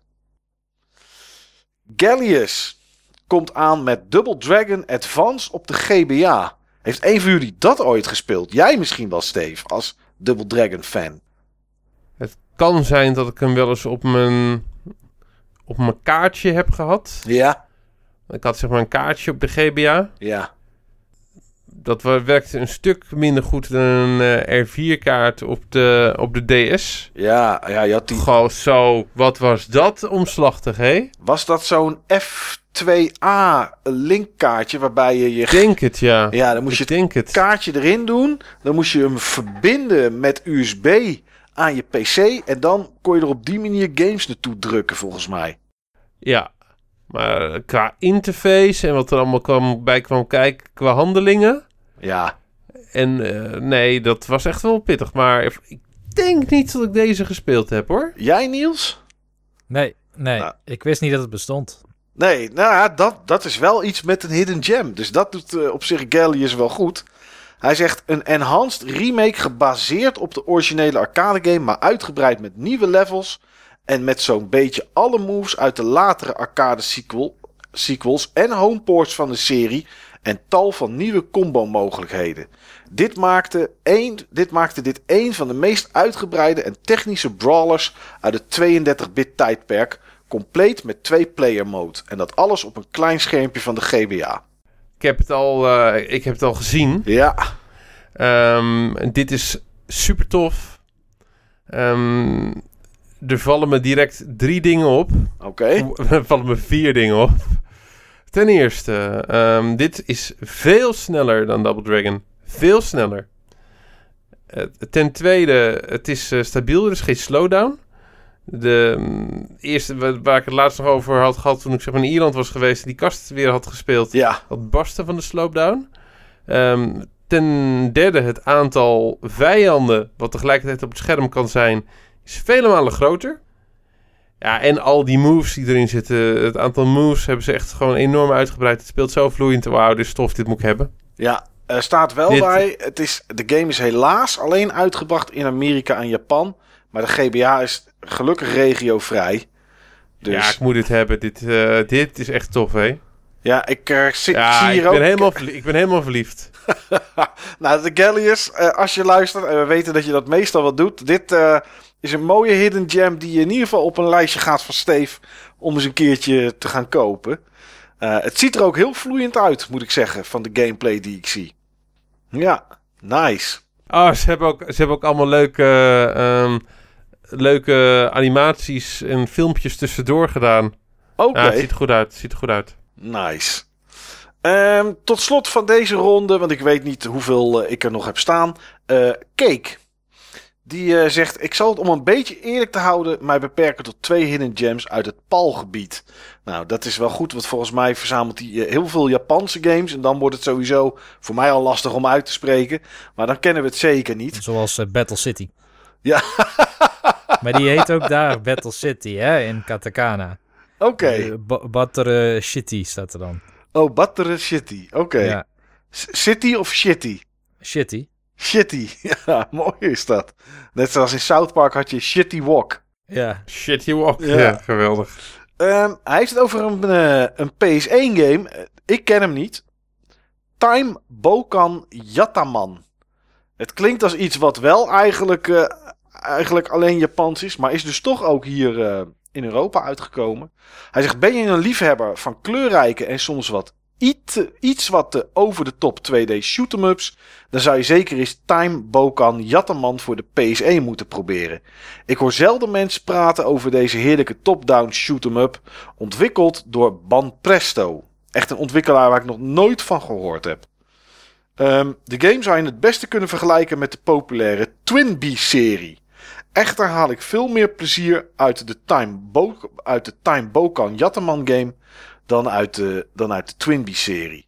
In deze game speel je eigenlijk met de bad guys en kan je gebruik maken van allerlei grappige en verschillende voertuigen plus power-ups. Wanneer het voertuig waarmee je aan het spelen bent kapot gaat, dan ga je niet gelijk dood. Je hebt nog een extra leven in de vorm van een soort drie-persoons tandem waarmee je kunt proberen om alsnog het level te finishen. Kortom samengevat, zeer kleurrijk en komisch. Van jullie dit ooit wel eens gezien of gespeeld? Nee, maar het is wel iets wat in mijn straatje past. Want dit Ja. is zo'n cue them up, zeg maar. Net als, Ja. ja, Twinbee noemt hij al. Nou ja, ik vind Twinbee super leuk. Ja, het ziet er ook echt wel leuk uit. Ik heb nog geen gameplay gezien. Alleen een plaatje heeft hij erbij gezet. Maar ja, ziet er leuk uit. De tweede game die die, eh, die die aandraagt is Spy Fiction voor de PS2. Dat is een titel die ik qua naam wel ken. Maar voor de rest heb ik het denk ik nooit gespeeld. Hij zegt, ben je bekend met de Metal Gear Solid games voor de PS1 en de PS2? Zo ja, dan zul je zeker ook de game kunnen waarderen Spy Fiction. Spy Fiction kan je beschouwen als een Metal Gear Solid clone, maar dan wel eentje die aardig is gelukt. Naast dat de game er behoorlijk goed uitziet, kent deze ook een aantal leuke features. Denk hierbij aan het kunnen camoufleren wanneer je tegen een object staat. Maak foto's van je vijanden en vermom je als heen een van hen. Eh, gebruik het plafond om ongezien vijanden te passeren of aan te vallen en et cetera, et cetera. Dat is wel grappig. Dat je stil kan blijven staan tegen het object een foto maken van je vijanden en je kan vermommen. Eh, vind ik beter dan Kojima zijn eh, kartonnen doos of zijn eh, uitgeknipte kartonnen bikini babes. Eh, zegt mij, ja, qua naam zegt het me wel iets. Spy Fiction. Maar eh, ik heb het nog nooit gespeeld. Misschien is het wel eh, interessant. Goed, dat was een eerste setje Hidden Gems van het forum. Nou, Steve, bij jou zit er in ieder geval een raken tussen. Misschien, eh, misschien bij jou ook wel nieuws in de vorm van eh, Time eh, Bokan. Ja, maar eh, ik heb net al geld uitgegeven tijdens deze uitzending Oh, waaraan? aan Baldur's Gate Dark Alliance. oh ja, oké. Die heb je al gekocht. Voor welk systeem? Eh, PlayStation 2. Voor de PlayStation 2, oké. Nou ja, goed. Nou ja, de- ja, we moeten niet te bond maken. eh, maar nou ja, misschien is het dan eentje om nog eens te onthouden. Ik denk niet dat je hem snel op een, op een beurs tegenkomt, vermoed ik. Correctie, ik zie dat ik de Gamecube-versie heb besteld. Oké. Ik, Oh, eh. Die is ietsjes beter. Is die beter, ja? Oké, ja, ik, eh, ik heb geen Xbox, want anders dan zou het die versie geweest zijn. Ik Ja. had trouwens een Xbox One. Hm. Nou ja, eh, Gamecube staat nog steeds in de buurt van mijn tv. Prima. Oké, dat scheelt inderdaad. Eh, Niels, ja, nu je toch aan het woord bent, waarschijnlijk heb je ook een hidden gem eh, van een wat latere generatie eh, games. ja, eh. zeker weten. kom maar op. Super Smash Bros. Ultimate. Daar heb ik nog nooit van gehoord. Nee, dat is, ook, dat is hem niet. Nee, nee ik, ik heb de titel misschien al wel eens genoemd tijdens de podcast. Het is ook een game die ik actief aan het spelen ben nog steeds. Eh, verschenen voor de PlayStation 3 en de Vita. En het heet Lost Dimension. Ah, naam zegt me zeker iets, maar ik heb er niet gelijk een beeld bij. Nou, Lost Dimension is een game die een beetje speelt als Valkyria Chronicles. Ja, Maar het, het, het heeft een meer sci-fi jasje. oké. Maar het, het speelt wel in de zin dat je zeg maar, real-time kan rondlopen door een omgeving heen. En dat je dan binnen een bepaalde straal een karakter in positie kan brengen. En dat je van daaruit dan een attack kan doen of een andere skill kan activeren bijvoorbeeld. En het leuke aan deze game is eigenlijk gek genoeg niet per se die tactische gameplay. Terwijl dat wel juist zou moeten zijn wat mij aanspreekt. Maar het is iets wat simpel zeg maar uitgevoerd. Ehm, het leuke van deze game is eigenlijk in de setting van de game waarin je nog een soort van puzzel hebt. Ehm, het doet namelijk denken aan het bordspel The Resistance, of The Mol, zoals die in Nederland heet. I'm interested. Ja, je, eh, in het spel eh, heb je een aantal karakters. Ik weet niet meer precies hoeveel, ik dacht een stuk of twaalf. En dat zijn allemaal eh, superhelden. Of dat zijn mensen die een bepaalde gave hebben. De ene die kan bijvoorbeeld vuur casten. Eh, zowel als een soort van single target als multi-target. Eh, de andere die is gespecialiseerd in healen. Je hebt iemand die kan eh, buffen van karakters. Je hebt ook karakters bijvoorbeeld die kunnen weer min of meer snipen. Dus die kunnen van een grote afstand iets doen. Eigenlijk elk van die twaalf karakters is een eigen class. Want het zijn alleen maar die twaalf karakters. Er komen ook geen andere karakters bij. Er gaan wel karakters af. En dat is de core van deze game. Want er zit een verrader in het spel. Oh, cool. Elk eh, level of elke stage, zullen we maar zeggen. Je hebt eigenlijk een, ehm, een toren die je beklimt met een aantal verdiepingen. En op elke verdieping heb je een aantal levels die je probeert te spelen. En door eh, teams te vormen uit die personen die je dus hebt, uit die groep superhelden, kom je erachter of er misschien één of meerdere kandidaten in zitten die misschien een verrader zijn. Ehm, net als in The Resistance, het bordspel, waar je teams maakt en op missie gaat en dan krijg je de uitslag terug. Je denkt, hé, hey, hoe is die missie hier nu gefaald? In dit spel faalt de missie niet, maar het karakter dat jij speelt, die heeft een soort clairvoyance, die, die doorziet mensen, zeg maar. Maar niet genoeg om precies te weten wie nou eh, de, de verrader is, maar hij kan mensen verdenken, zeg maar. Dus je stuurt vijf mensen op missie en eh, hij denkt dan na afloop van die missie bijvoorbeeld van er zitten mogelijk twee verraders in. Er zit altijd maar één verrader echt in het spel, in het level. Ehm, dus je kan verschillende missies of enkele keren dezelfde missie achter elkaar doen, maar steeds met andere teams. Om erachter te komen, oké, als ik deze mensen stuur, zit er één verrader in. Eh, wissel ik twee mensen eh, voor twee andere karakters, zit er in één keer twee verrader in, verraders in. Dus hier zit iets. En dan probeer je in die teamsamenstellingen eh, uit te komen tot een groepje waar de verrader wel ongeveer tussen zou moeten zitten. En ehm, aan het einde van elk niveau moet je iemand wegstemmen. En je kan ook de verkeerde persoon wegstemmen. En dan blijft de verrader in het spel. Word je dat ook verteld op het moment dat je iemand wegstemt, of je de verrader weggestemd hebt of niet? Ehm, eh, tot nu toe heb ik de verrader gevonden steeds. Oké. Dus dan, dan weet je het. Zeg maar, op, je kan namelijk, ehm, eh, je hebt daar drie mogelijkheden geloof ik toe, maar je kan soms eh, met iemand een privégesprek aangaan en gewoon confronteren, je bent de verrader. Ja. Want om de missies heen, dan kun je met alle karakters gaan praten. Een beetje net zoals het in Fire Emblem games gebeurt. En hoe meer je met iemand omgaat in missies, des te meer dialogen unlock je. En eh, ja, je, je hebt ook een soort van mastermind-achtig bord, bord waarop je kan, kan nalezen wie je allemaal al op missie hebt gestuurd de afgelopen negen keer. En eh, binnen die samenstelling hoeveel mogelijke verraders erin zaten. Nou, dus er zijn altijd twee red herrings en één echte verrader. Dus dat is sowieso iets wat je uit moet zoeken. Maar je, ja, ik zit dus nu op niveau 4. Ik heb al bij twee mensen doorgevraagd. Ik mag het maar drie keer in totaal doen. En dat was steeds niet de verrader. Oké. Dus het begint nu heel erg spannend te worden. En het is niet alleen de uitdaging om zelf te weten wie de verrader is. Ehm, het gebeurt namelijk met een stemming. Net zoals in de Resistance. Ah, kijk, dat is een van de overeenkomsten. Ja, en je moet dus ook de andere NPC's ervan overtuigen dat die persoon de verrader is. En dat doe je ook weer in dialogen.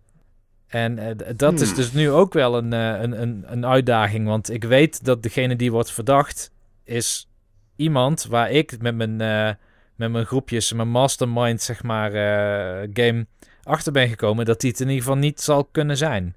Dus hoe ga ik die anderen ervan overtuigen? Ja, oké.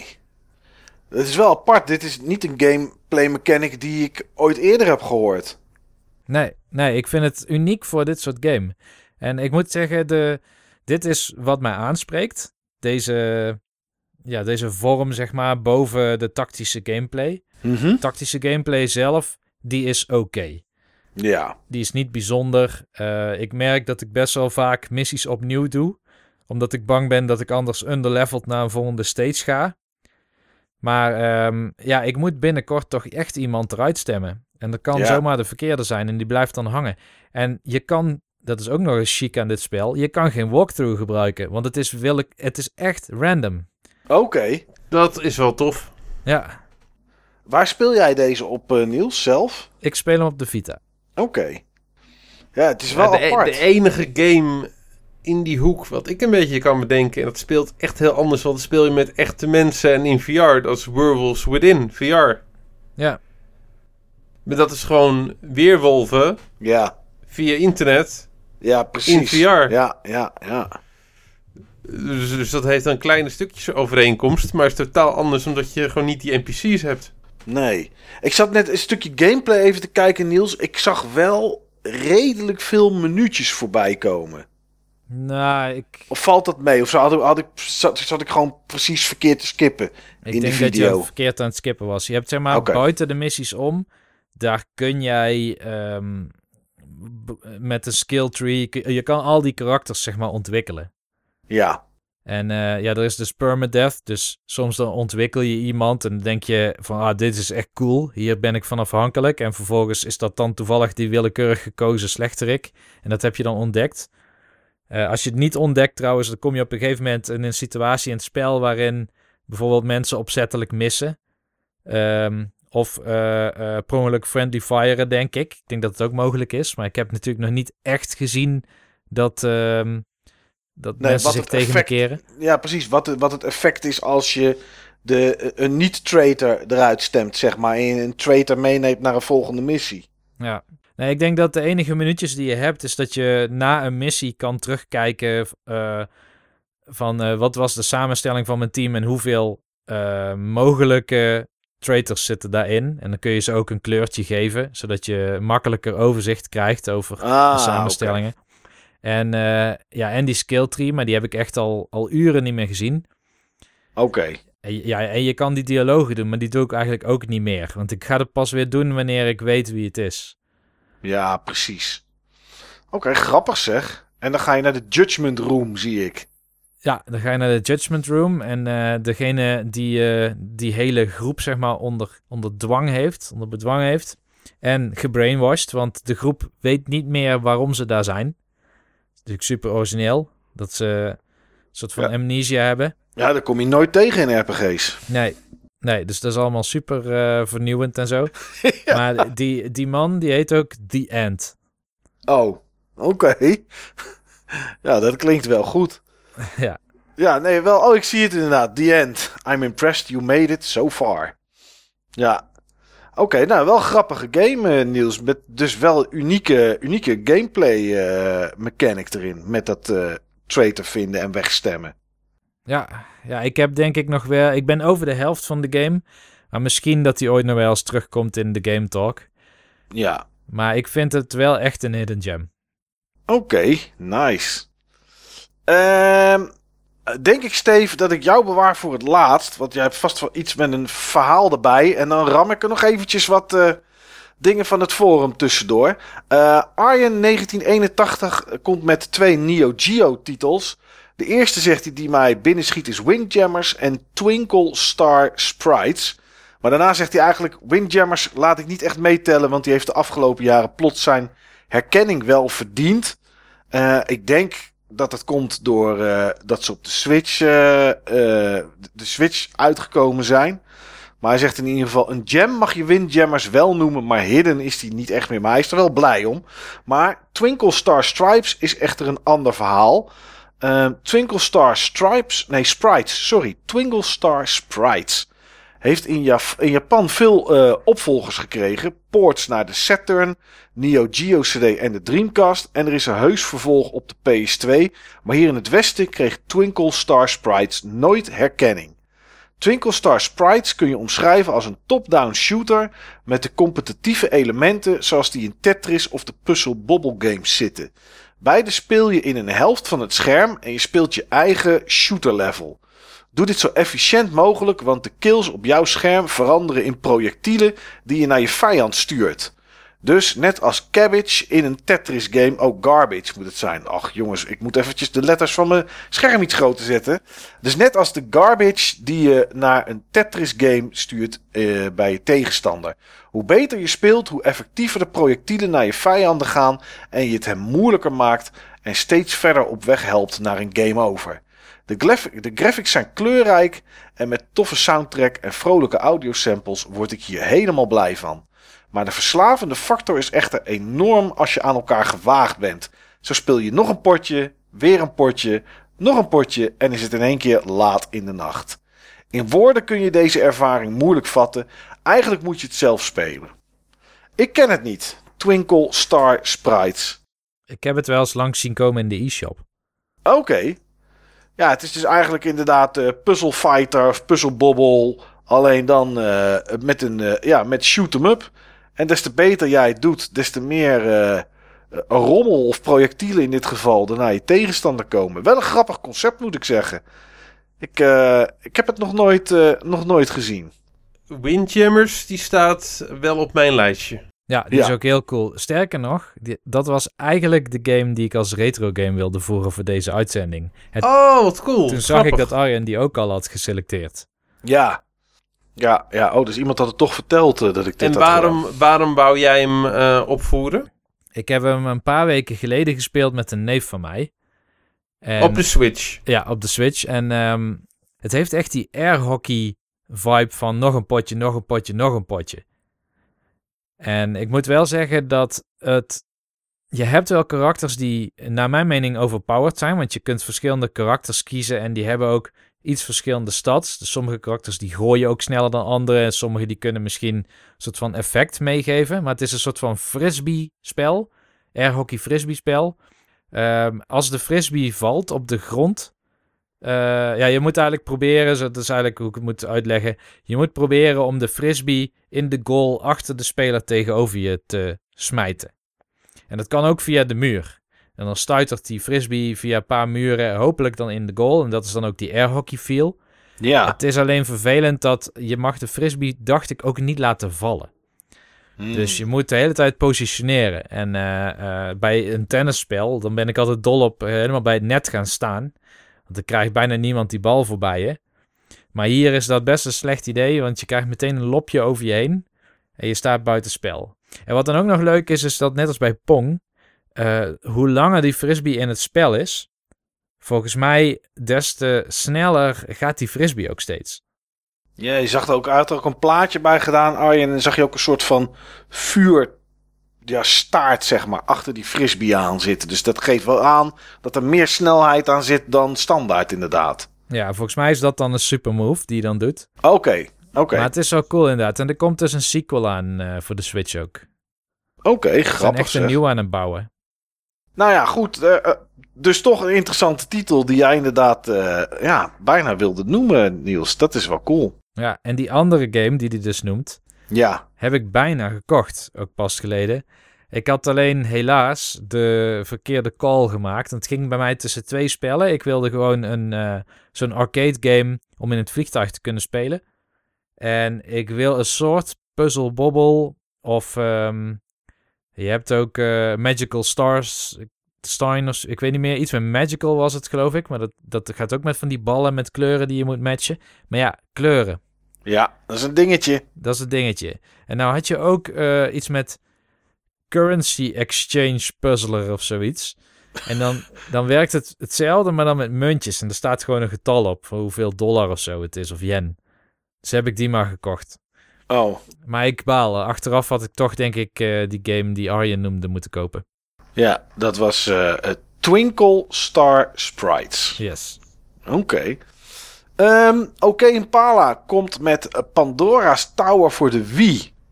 Eh, ik ken hem wel, moet ik zeggen. Ik weet niet of ik het gespeeld heb.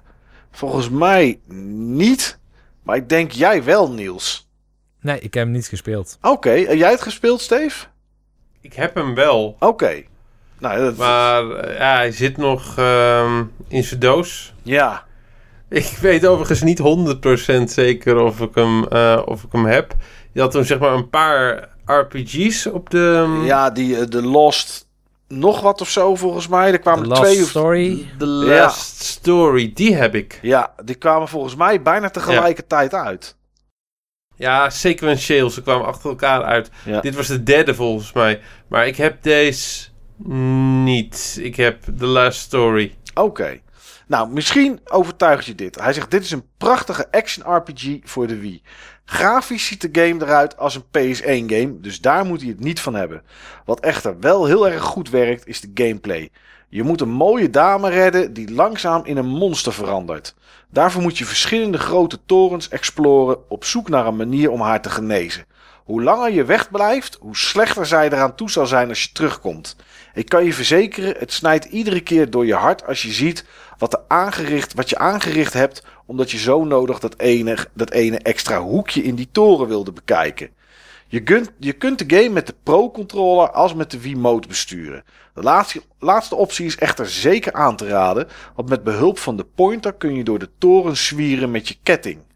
Het voelt ook erg goed om de zwakke punten van de reusachtige eindbazen letterlijk uit elkaar te trekken met de hulp van de Wiimote. Echt een goed voorbeeld van hoe de Wiimote uniek gebruikt kan worden in een avonturengame. Ook verkrijgbaar in de Wii U e-shop voor 20 euro. Een koopje voor zo'n unieke ervaring. Ehm Arjen 1981 is nog een keer teruggekomen en zei: Ik ga er nog eentje doen. Zelf vond ik Her Story een ontzettend goede game. Maar jaren daarvoor heb ik mij ook heel erg vermaakt met een andere vergelijkbare titel, namelijk Digital Love Story. Eh, in deze visual novel heb je een online relatie met een meisje en ga je samen met haar op onderzoek naar de reden waarom er plots verschillende online AI's overlijden. De setting is top, internet is nieuw en je hebt een nieuw modern. Hè? Opnieuw. Internet is nieuw, je hebt een nieuw modem en je speelt de hele game zich af in een Amiga-achtige interface. Ja, het speelt zich gewoon af in de jaren 90, joh. Ja, inderdaad. Het ziet er ook uit als een workbench van de Amiga. Maar ik zie in de screenshot heet het AMI Workbench in plaats van Amiga. Eh, hij heeft er een linkje bij, eh, want de game is gratis te spelen op, eh, op scoutshonor.com slash digital. Dus mocht iemand de game zoeken, dan, is, dan kan je het daar spelen. Ik heb er geen idee. Het eh, ziet er wel grappig, grappig uit, moet ik zeggen. Maar of het heel, eh, heel tof is, weet ik niet. Maar hij vindt het een, eh, een hidden gem. Ja. Wonderzwaan kwam nog even terug op Pandora's Tower voor de, voor, de, voor de Wii. Die zegt: Dit is inderdaad een hele gave game. Hij duurt wel wat te lang, vind ik, maar zeker een aanrader. Interessant ook gezien de tijdsgeest destijds. Nintendo of Europe begon richting het einde van de Wii-tijdperk steeds meer games te lokaliseren. In plaats van dit Amer- eh, aan, aan Nintendo of America's Treehouse-divisie over te laten. Zo ontstond de iets wat bizarre situatie waarin Europa games als Pandora's Tower, The Last Story en zelfs Xenoblade Chronicles kreeg, maar fans in Amerika een hele smeekcampagne moesten optuigen om Nintendo of America te over te halen om deze games naar de VS of Canada te brengen. Dus eh, ja, het wordt ondersteund. Ik herinner me dat nog wel inderdaad, ja. Dat heette toen Operation Rainfall. Het was best wel groot. Ik denk dat overal alle websites gingen daar in die tijd over. Want ehm, Xenoblade was, een, eh, was niet zozeer een succes in Japan. Maar het was natuurlijk van ontwikkelaars van eh, de Xenosaga en Xenogears game. Ja. En de, eh, de, de impressies van mensen was dat Xenoblade echt de game was waar mensen zo lang op hebben gehoopt. Maar die PlayStation 3 en Xbox 360 eh, in die tijdsgeest hadden met name die Japanse RPG's, maar die zijn niet echt meegegroeid. Die gingen juist zich richten op iets heel anders, op heel veel cutscenes en storytelling en zo. Maar veel minder op grootsheid en exploratie en heel veel NPC's en dorpen en heel veel quests en zo. En dat was Xenoblade ineens. Eh, dus het was heel raar dat die game geen kans kreeg in het Westen. En het klopt inderdaad dat je toen die campagnes had. En in Europa en ook een Europees team heeft het gelokaliseerd. Dat hoor je heel erg, want alle stemmen zijn ook heel Brits en zo. Ja. Ehm, maar daar verscheen die gewoon in de winkels. En het is via een hele rare constructie, via een an- ik dacht Exit of zo, is het uiteindelijk in Amerika gekomen. Ja, klopt. Dat zegt hij ook. Hij zegt, saillant detail, Nintendo of America heeft uiteindelijk met grote tegenzin naar de fans geluisterd en het publiceren van die drie games overgelaten aan partijen als Xseed en Ja. retailketen GameStop. Xseed deed Pandora's Tower en kregen het voor elkaar een game-breaking bug erin te plaatsen, waardoor je de laatste dungeon in één keer moest voltooien of een crash te riskeren, waarna de game bijna niet meer te voltooien was. Ja. Kijk, dat is mooi. Maar inderdaad, ik zie het, ja. En GameStop hebben dus eh, wat dingen gedaan daarvoor. Het grappige is, die games hadden helemaal niks met elkaar te maken. Ehm, maar die zijn dus wel uiteindelijk in Amerika volgens mij ook als een soort... Nee, dat was in Europa trouwens. Volgens mij als je ze alle drie had, dan kon je een soort box laten bezorgen... waar je ze dan ook in kon stoppen. Oh, echt waar, ja. Een soort, eh, soort omhulsel van de drie games. Daar staat me iets van bij. Er was iets met als je ze alle drie had. Maar ik heb inderdaad The Last Story en Xenoblade wel en allebei gespeeld. Maar de, ja, deze dus niet. Het sprak me destijds niet aan. Ja, misschien moet ik toch een keer als ik hem tegenkom eh overstag. Ja, nou ja, Pandora's Tower dus, The Last Story en, eh, en dan in dit geval, eh, oh ja, dat waren ze, Pandora's Tower, Last Story en Xenoblade Chronicles inderdaad, ja. Ja, hij zegt kortom, zegt Wonderzwaan, een, een belangrijke game dus en niet alleen vanwege zijn inherente kwaliteit. Eh Sega Terrion komt met eh, twee games, Bomber Raid voor de Master System en Light Crusader voor de Mega Drive. Eh, het zijn blijkbaar hi- hidden in ieder geval. Of het gems zijn, weet ik niet. Ik ken ze niet. Maar wellicht... Light Crusader is een game van Treasure op de Genesis en Mega Drive. Oké, ken je het voor de rest, Steve? Ja, heb ik Action Adventure. Oké, interessant genoeg om op te pikken als je dat genre je aanspreekt? Ben je het eens met dat het hidden gems Ja, je zijn? moet wel van isometrische games houden. Isometrische games zijn niet voor iedereen. Nee. Nee, dat klopt. Oké, nou ja, goed. Ja, het- hij staat heel goed aangeschreven. Mhm. Ehm, van, ik heb alle Treasure games op de Mega Drive. En dit is wel degene die me het minste aanspreekt. Ik heb hem niet gespeeld. Dit is degene die ik het minst snel zou spelen van de Treasure games. Oké, ja. En als ik een isometrische game zou spelen, dan zou ik eerder... Help me Niels. Ja, eh, er zijn er zoveel, jongen. Eh, Landstalker. ah, Land- Landstalker. Bedankt Niels. ja. Zou ik eerder Landstalker gaan spelen. Ja, ja, oké. Eh, de laatste van het forum eh, komt van Gallius. Die zegt: Ik gooi er stiekem nog eentje in. Raytracers van Taito op de PS1. Eh, moet eerlijk zeggen, ken ik ook niet. Nou zijn racegames niet mijn favoriete genre. Je het tegenkom en het heeft een leuke prijs en ik heb hem niet, dan koop ik het wel voor de verzameling. Maar goed, hij zegt misschien wel de lekkerste arcade racer op het systeem. Het is een soort van spirituele opvolger van Chase HQ. En dat ken ik wel. Dat speelde ik op de, op de Commodore 64. Hij zegt binnen een bepaalde tijdslimiet moet je loeihard over de weg racen als een malle door bochten driften en andere voertuigen en obstakels ontwijken om bij de boss te komen. Heb je de boss eenmaal bereikt, dan moet je met je eigen auto rammen om hem tot ontploffing te brengen. Het is een van de snelste racers op de PlayStation 1 en weet echt het arcadegevoel over te brengen. Het ziet er met zijn chunky arcade graphics ook nog eens bijzonder appealing uit, vind ik. Een heerlijke game. Nou goed, eh, doe ermee wat je wil, eh, lieve luisteraar. Het, eh, Ja, een beetje denken aan LA Noir. Daar had je ook van die missies waar je dan auto's moest rammen. Het waren mijn minst favoriete missies. ja, vond ik ook niet leuk. Vond ik ook niet passen in L.A. Noir, moet ik heel eerlijk zeggen. Nee. Ik, de, hij heeft er wat gameplay in de vorm van een filmpje eh, bijgezet. Ik vraag me af of dit op de PS1 is. Het lijkt mij dat dit in een emulator is die iets doet met eh, de grafische kracht. Ehm, maar het ziet er wel snel uit. Dat moet ik wel zeggen. En het is met auto's rammen en, eh, en racen. Dus nou ja, goed. Wellicht raytracers. Eh, ik wil in ieder geval eventjes nog, voordat ik het woord aan Steve geef voor zijn laatste game. iedereen van het forum bedanken voor jullie input. Ik vond het wel grappig om dit even zo te doen. Het was wat last minute.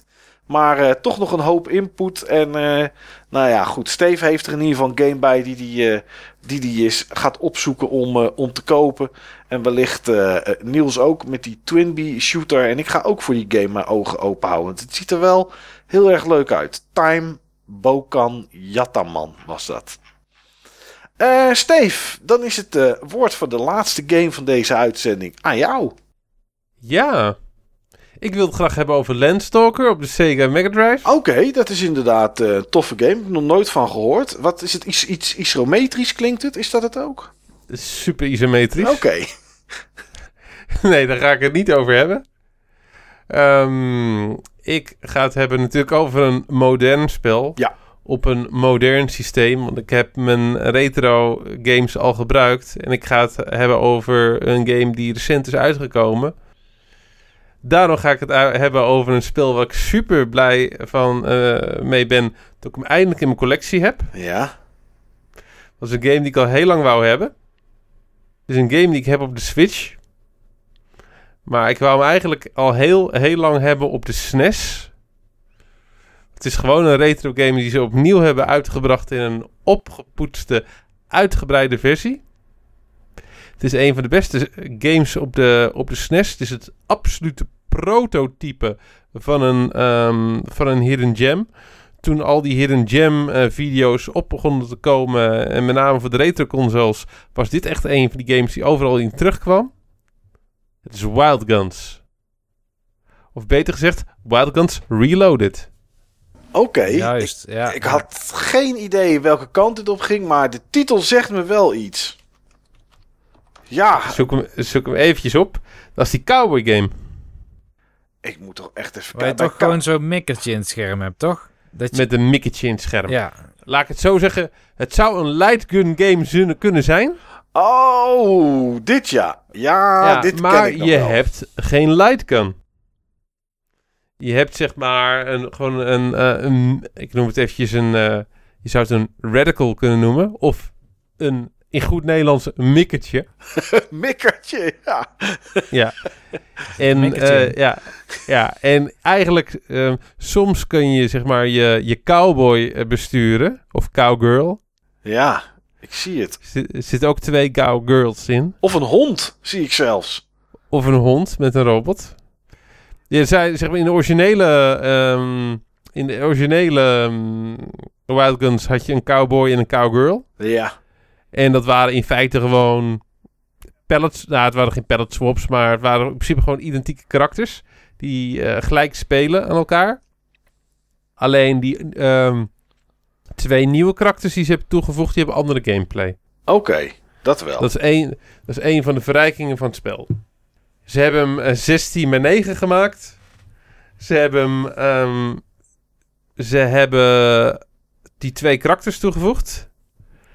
En ze hebben hem zo gigantisch moeilijk eh, gemaakt. Oh, echt waar, ja? Ja, en het was al een moeilijk spel. Maar ik heb hem zeg maar een hele tijd in co-op zitten spelen met Joey. En dat maakt het zo enorm moeilijk. Joey maakt het moeilijk.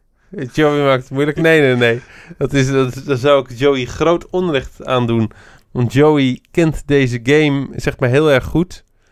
En volgens mij ehm, kan Joey deze game zelfs ook uitspelen. Oké, Maar dan wel als hij ze continues heeft. ja. En die zitten de- er niet in? Op de Pussy, eh, op de Pussy SNES versie. Nou, in de, in de koop variant Ja. krijg je geen continues. Oh, oké. Dan hebben ze het dus nog een stuk moeilijker gemaakt. Ik zie ook verschillende wapens die je tijdens... Ik zag er net gewoon schieten. En nu zie ik een soort van groene laserstraal. Ja, ja, maar die moet je gewoon, die moet je gewoon even aanknallen. Ja, precies. Die, die... Met je mikketje moet je ze even aanknallen. Met je mikkertje. Ja. en dan verandert je mikketje in het andere wapen. Oké, En dat, dat raakt wel op. En dan heb je gewoon weer je normale wapen. oké. Gewoon zeg maar, ook wat je vaak ziet bij die, bij die light gun games. Je knalt er eventjes op en dan heb je een ander wapen. Ja, precies. Is het, Ja. is het niet moeilijk besturen, eh, Steve? Dat had ik... Nee, dat valt reuze mee. Dat valt echt reuze mee. Dat dacht ik. Ja, Maar dat is niet zo. oké. De. Behalve de hond. Oh, de hond is De wel... hond is eh, echt een crime. Bij, met de hond heb je zeg maar, je bestuurt de hond. Ja, En de hond die kan niks. De hond die schiet niet. Je hebt zeg maar, ehm, je hebt ook nog eens een keer de droid. En de droid die bestuurt het mikketje. Dus je bent met de hond bezig, het mikketje en de droid. En dat wordt een beetje... eh, dat is een beetje te veel van het goede. dat, is, een be- dat is voor mij een beetje te veel van het goede. Oké. Ik ben wel blij Dus, dat ik eh, toch kan bijdragen met het professionele game design jargon deze aflevering. ja, ja, precies. klopt. Ja. Klopt. Maar zeg maar, die droid, die kan niet kapot. Die droid, die is invincible. Dus zeg maar, op het moment van dat die, dat die droid ergens staat waarop geknald wordt, niks het handje. Maar die hond, die, eh, die, die is direct kassiewijlen. ja, één knal en die is weg. Ja, ja, ja. Dus eh overigens geldt het ook voor de cowboy en de cowgirl. Ja, wat de cowgirl zie ik hier, die staat gewoon in een jurk. Ja, dat heeft weinig armor natuurlijk. Ja, ja, klopt. Nee, ze had, ze had gewoon eventjes de high-class eh, level 60 armor aan moeten doen, de BH. Ja. en ze loopt wel op hakjes. Dat is dan wel chic. Ja, dat hoort. Ja, ja, want je moet. eh, in die tijd waren vrouwen nog echt vrouwen, hè? Ja, ja, je weet nooit wie je nog tegenkomt zodra al die robots eh, kapotgeschoten zijn die ik hier voorbij zie komen. Inderdaad, inderdaad. Je, je gaat toch de saloon in en dergelijke. Ja, ja. ja. Maar wel een Dus, grappige eh, game, denk ik. Ja, joh, echt super tof. Echt eh, enorme bosses. En je moet die levels echt gewoon leren kennen. Het heeft echt een goede vibe en er zit goed tempo in. Eh, je gaat gewoon dood en dan, ga je, en dan denk je nog een keer. Je gaat weer dood. in plaats dat je verder bent gekomen, ben je minder ver gekomen. Ja, nog een keer, want nu, weer, nu komen we verder. Ja. Dus ja, het was, echt, het was echt tof. Echt heel tof. Alleen het enige wat ik jammer vind is... eh, ik snap niet dat ze niet ook gewoon eh, een soort van pussy mode in hebben gestopt. Dat je gewoon ook ehm, extra continu... Gewoon continues kan krijgen in een twee-player variant. Ja, zodat je keer het einde heel kan zien. Ja, het is wel heel hardcore. En eh, ik, ik vind hem qua ehm twee-player game vind ik hem wel een heel stuk beter. Het speelt toch een stuk lekkerder met twee mikketjes op het scherm. Want als je zeg maar je continu gewoon je mikketje gewoon all over the place moet, ehm, moet, moet zien te krijgen. Of je hebt gewoon één mikketje wat een beetje aan de linkerkant kan blijven en een mikketje van aan de rechterkant. Ja, dat is gewoon veel. Dat is gewoon veel meer haal. Dat is veel haalbaarder. Ja, een stuk effectiever inderdaad. Dan Ja. dat je elke keer het hele scherm over moet. Met je mikketje. Met je mikkertje. ja, dat klopt. Dus eh, dat is echt wel een ding, vind ik. En eh, je, eh, op het moment dat je de singleplayer variant speelt, dan eh, krijg je wel continues. Ja. Ik zeg, krijg je wel continues niet, heb je wel continues. Oh, want standaard heb je krijgt, ze niet. je krijgt pas continues nadat je het eerste level hebt uitgespeeld. Oh, oké. Wat ook logisch is, van ja, als je het eerste level niet kan halen, heb je geen continues nodig ook. Nee, wat, dan haal je level 3 toch ook niet? Nee, maar eh, zeg maar het eerste level dat is altijd vast. En daarna kun je kiezen uit vier of vijf levels. Oké, en komen die daarna dan ook weer terug? Of is het een soort eh outrun, zeg maar? eh? Nee, het stopt echt. Je kan het echt uitspelen. Nee, maar ik bedoel, je kiest één van die levels. Krijg je daarna dan de keus uit nee, het je hebt volgende level? een, ja, en- een volledige... eh, je hebt een volledige vrije keuze uit levels. Ja, oké, maar je moet ze En zal- allemaal ja, wel, ja, wel finishen. ja, het is niet dat je er dan vier andere Nee. krijgt, zeg maar. Nee, nee, nee. Nee, oké. Ja, dat is wel... Nou, het is echt zo'n tof spel. En eh, Wild Guns is gewoon zo duur geworden. voor de, en, voor de eh, SNES, ja. Voor de, voor de SNES. En deze had ik volgens mij voor 20 of 30 euro. 30 euro had, had ik ervoor betaald bij de netgame. Ja, nou, dan kan je, zou je nu, ja, tenzij je SNES verzamelt, maar zou je beter deze kunnen kopen. Ja. De, Heb je hem, eh, dan heb je hem in 16 bij 9. ja, Dan kan je nog wat filters erop loslaten. Ik heb een paar lichte scanlines erop losgelaten. En ehm daar heb je extra karakters. ja, ja, zoals de hond, waar je niet zoveel aan hebt, want die is nogal lastig te besturen. En hij is zo moeilijk, hij is zo moeilijk gemaakt dat je van je, van, je van je levensdagen niet uit kan spelen. Maar is wel tof. Ja, nou ja, een leuke game. eh, zeker voor Ja. mensen die ooit nog eens eh, Wild Guns eh, wilden hebben. Ja, en ehm, ik, ik hoop stiekem dat ik als, als we een volgende Hidden Gems aflevering ehm, op gaan nemen over ongeveer een jaar. Ja, dat ik dan een andere game heb die een beetje zeg maar in dezelfde hoek zit. Die ik ook altijd heb willen hebben. En die ik dan ook kan bespreken. Een game die ik wel eens heb gespeeld. Wild Guns had ik ook nooit gespeeld. En oh, die wou ik zo graag hebben, die game. En die is ook heel erg duur geworden. Oké, dus je hebt al een game op het oog, uh, Steve. Die daar Ja, is. ja, ja. ja Is dat, is dat ook met Cowboys? Nee. Oké, nou dan heb ik geen eh, flauw idee. Maar goed, dat laten we Het dan. is ook niet met mikkertjes. Ook met mikkertjes. Oké. Ook niet met Ook niet met mikkertjes. Nee. Hmm. Nou goed, dat horen we dan eh, een volgende keer wel. Ehm, ja, goed, dan zijn we aan het einde gekomen van, eh, van, deze, van deze uitzending. De, ja, de laatste reguliere uitzending van dit jaar, om het maar zo, eh, zo te noemen. Wat voor dit jaar rest ons alleen nog het jaaroverzicht. Maar goed, dat is nog eventjes, dat is nog even weg. Eh, maar er wordt wel een eh, bijzondere, denk ik. Dus daar eh, hebben we nog wel eventjes voorbereidingstijd voor nodig. Dus die kunnen we mooi, die kunnen we mooi nemen. Goed, zoals al eerder gezegd, iedereen op het forum bedankt voor jullie input. Ja, als je zit te luisteren, je hebt geluisterd, bedankt voor het luisteren. Mocht je ons ergens willen vinden, www.button-bashers.nl En rest mij niks anders te zeggen dan bedankt voor het luisteren en tot de volgende keer.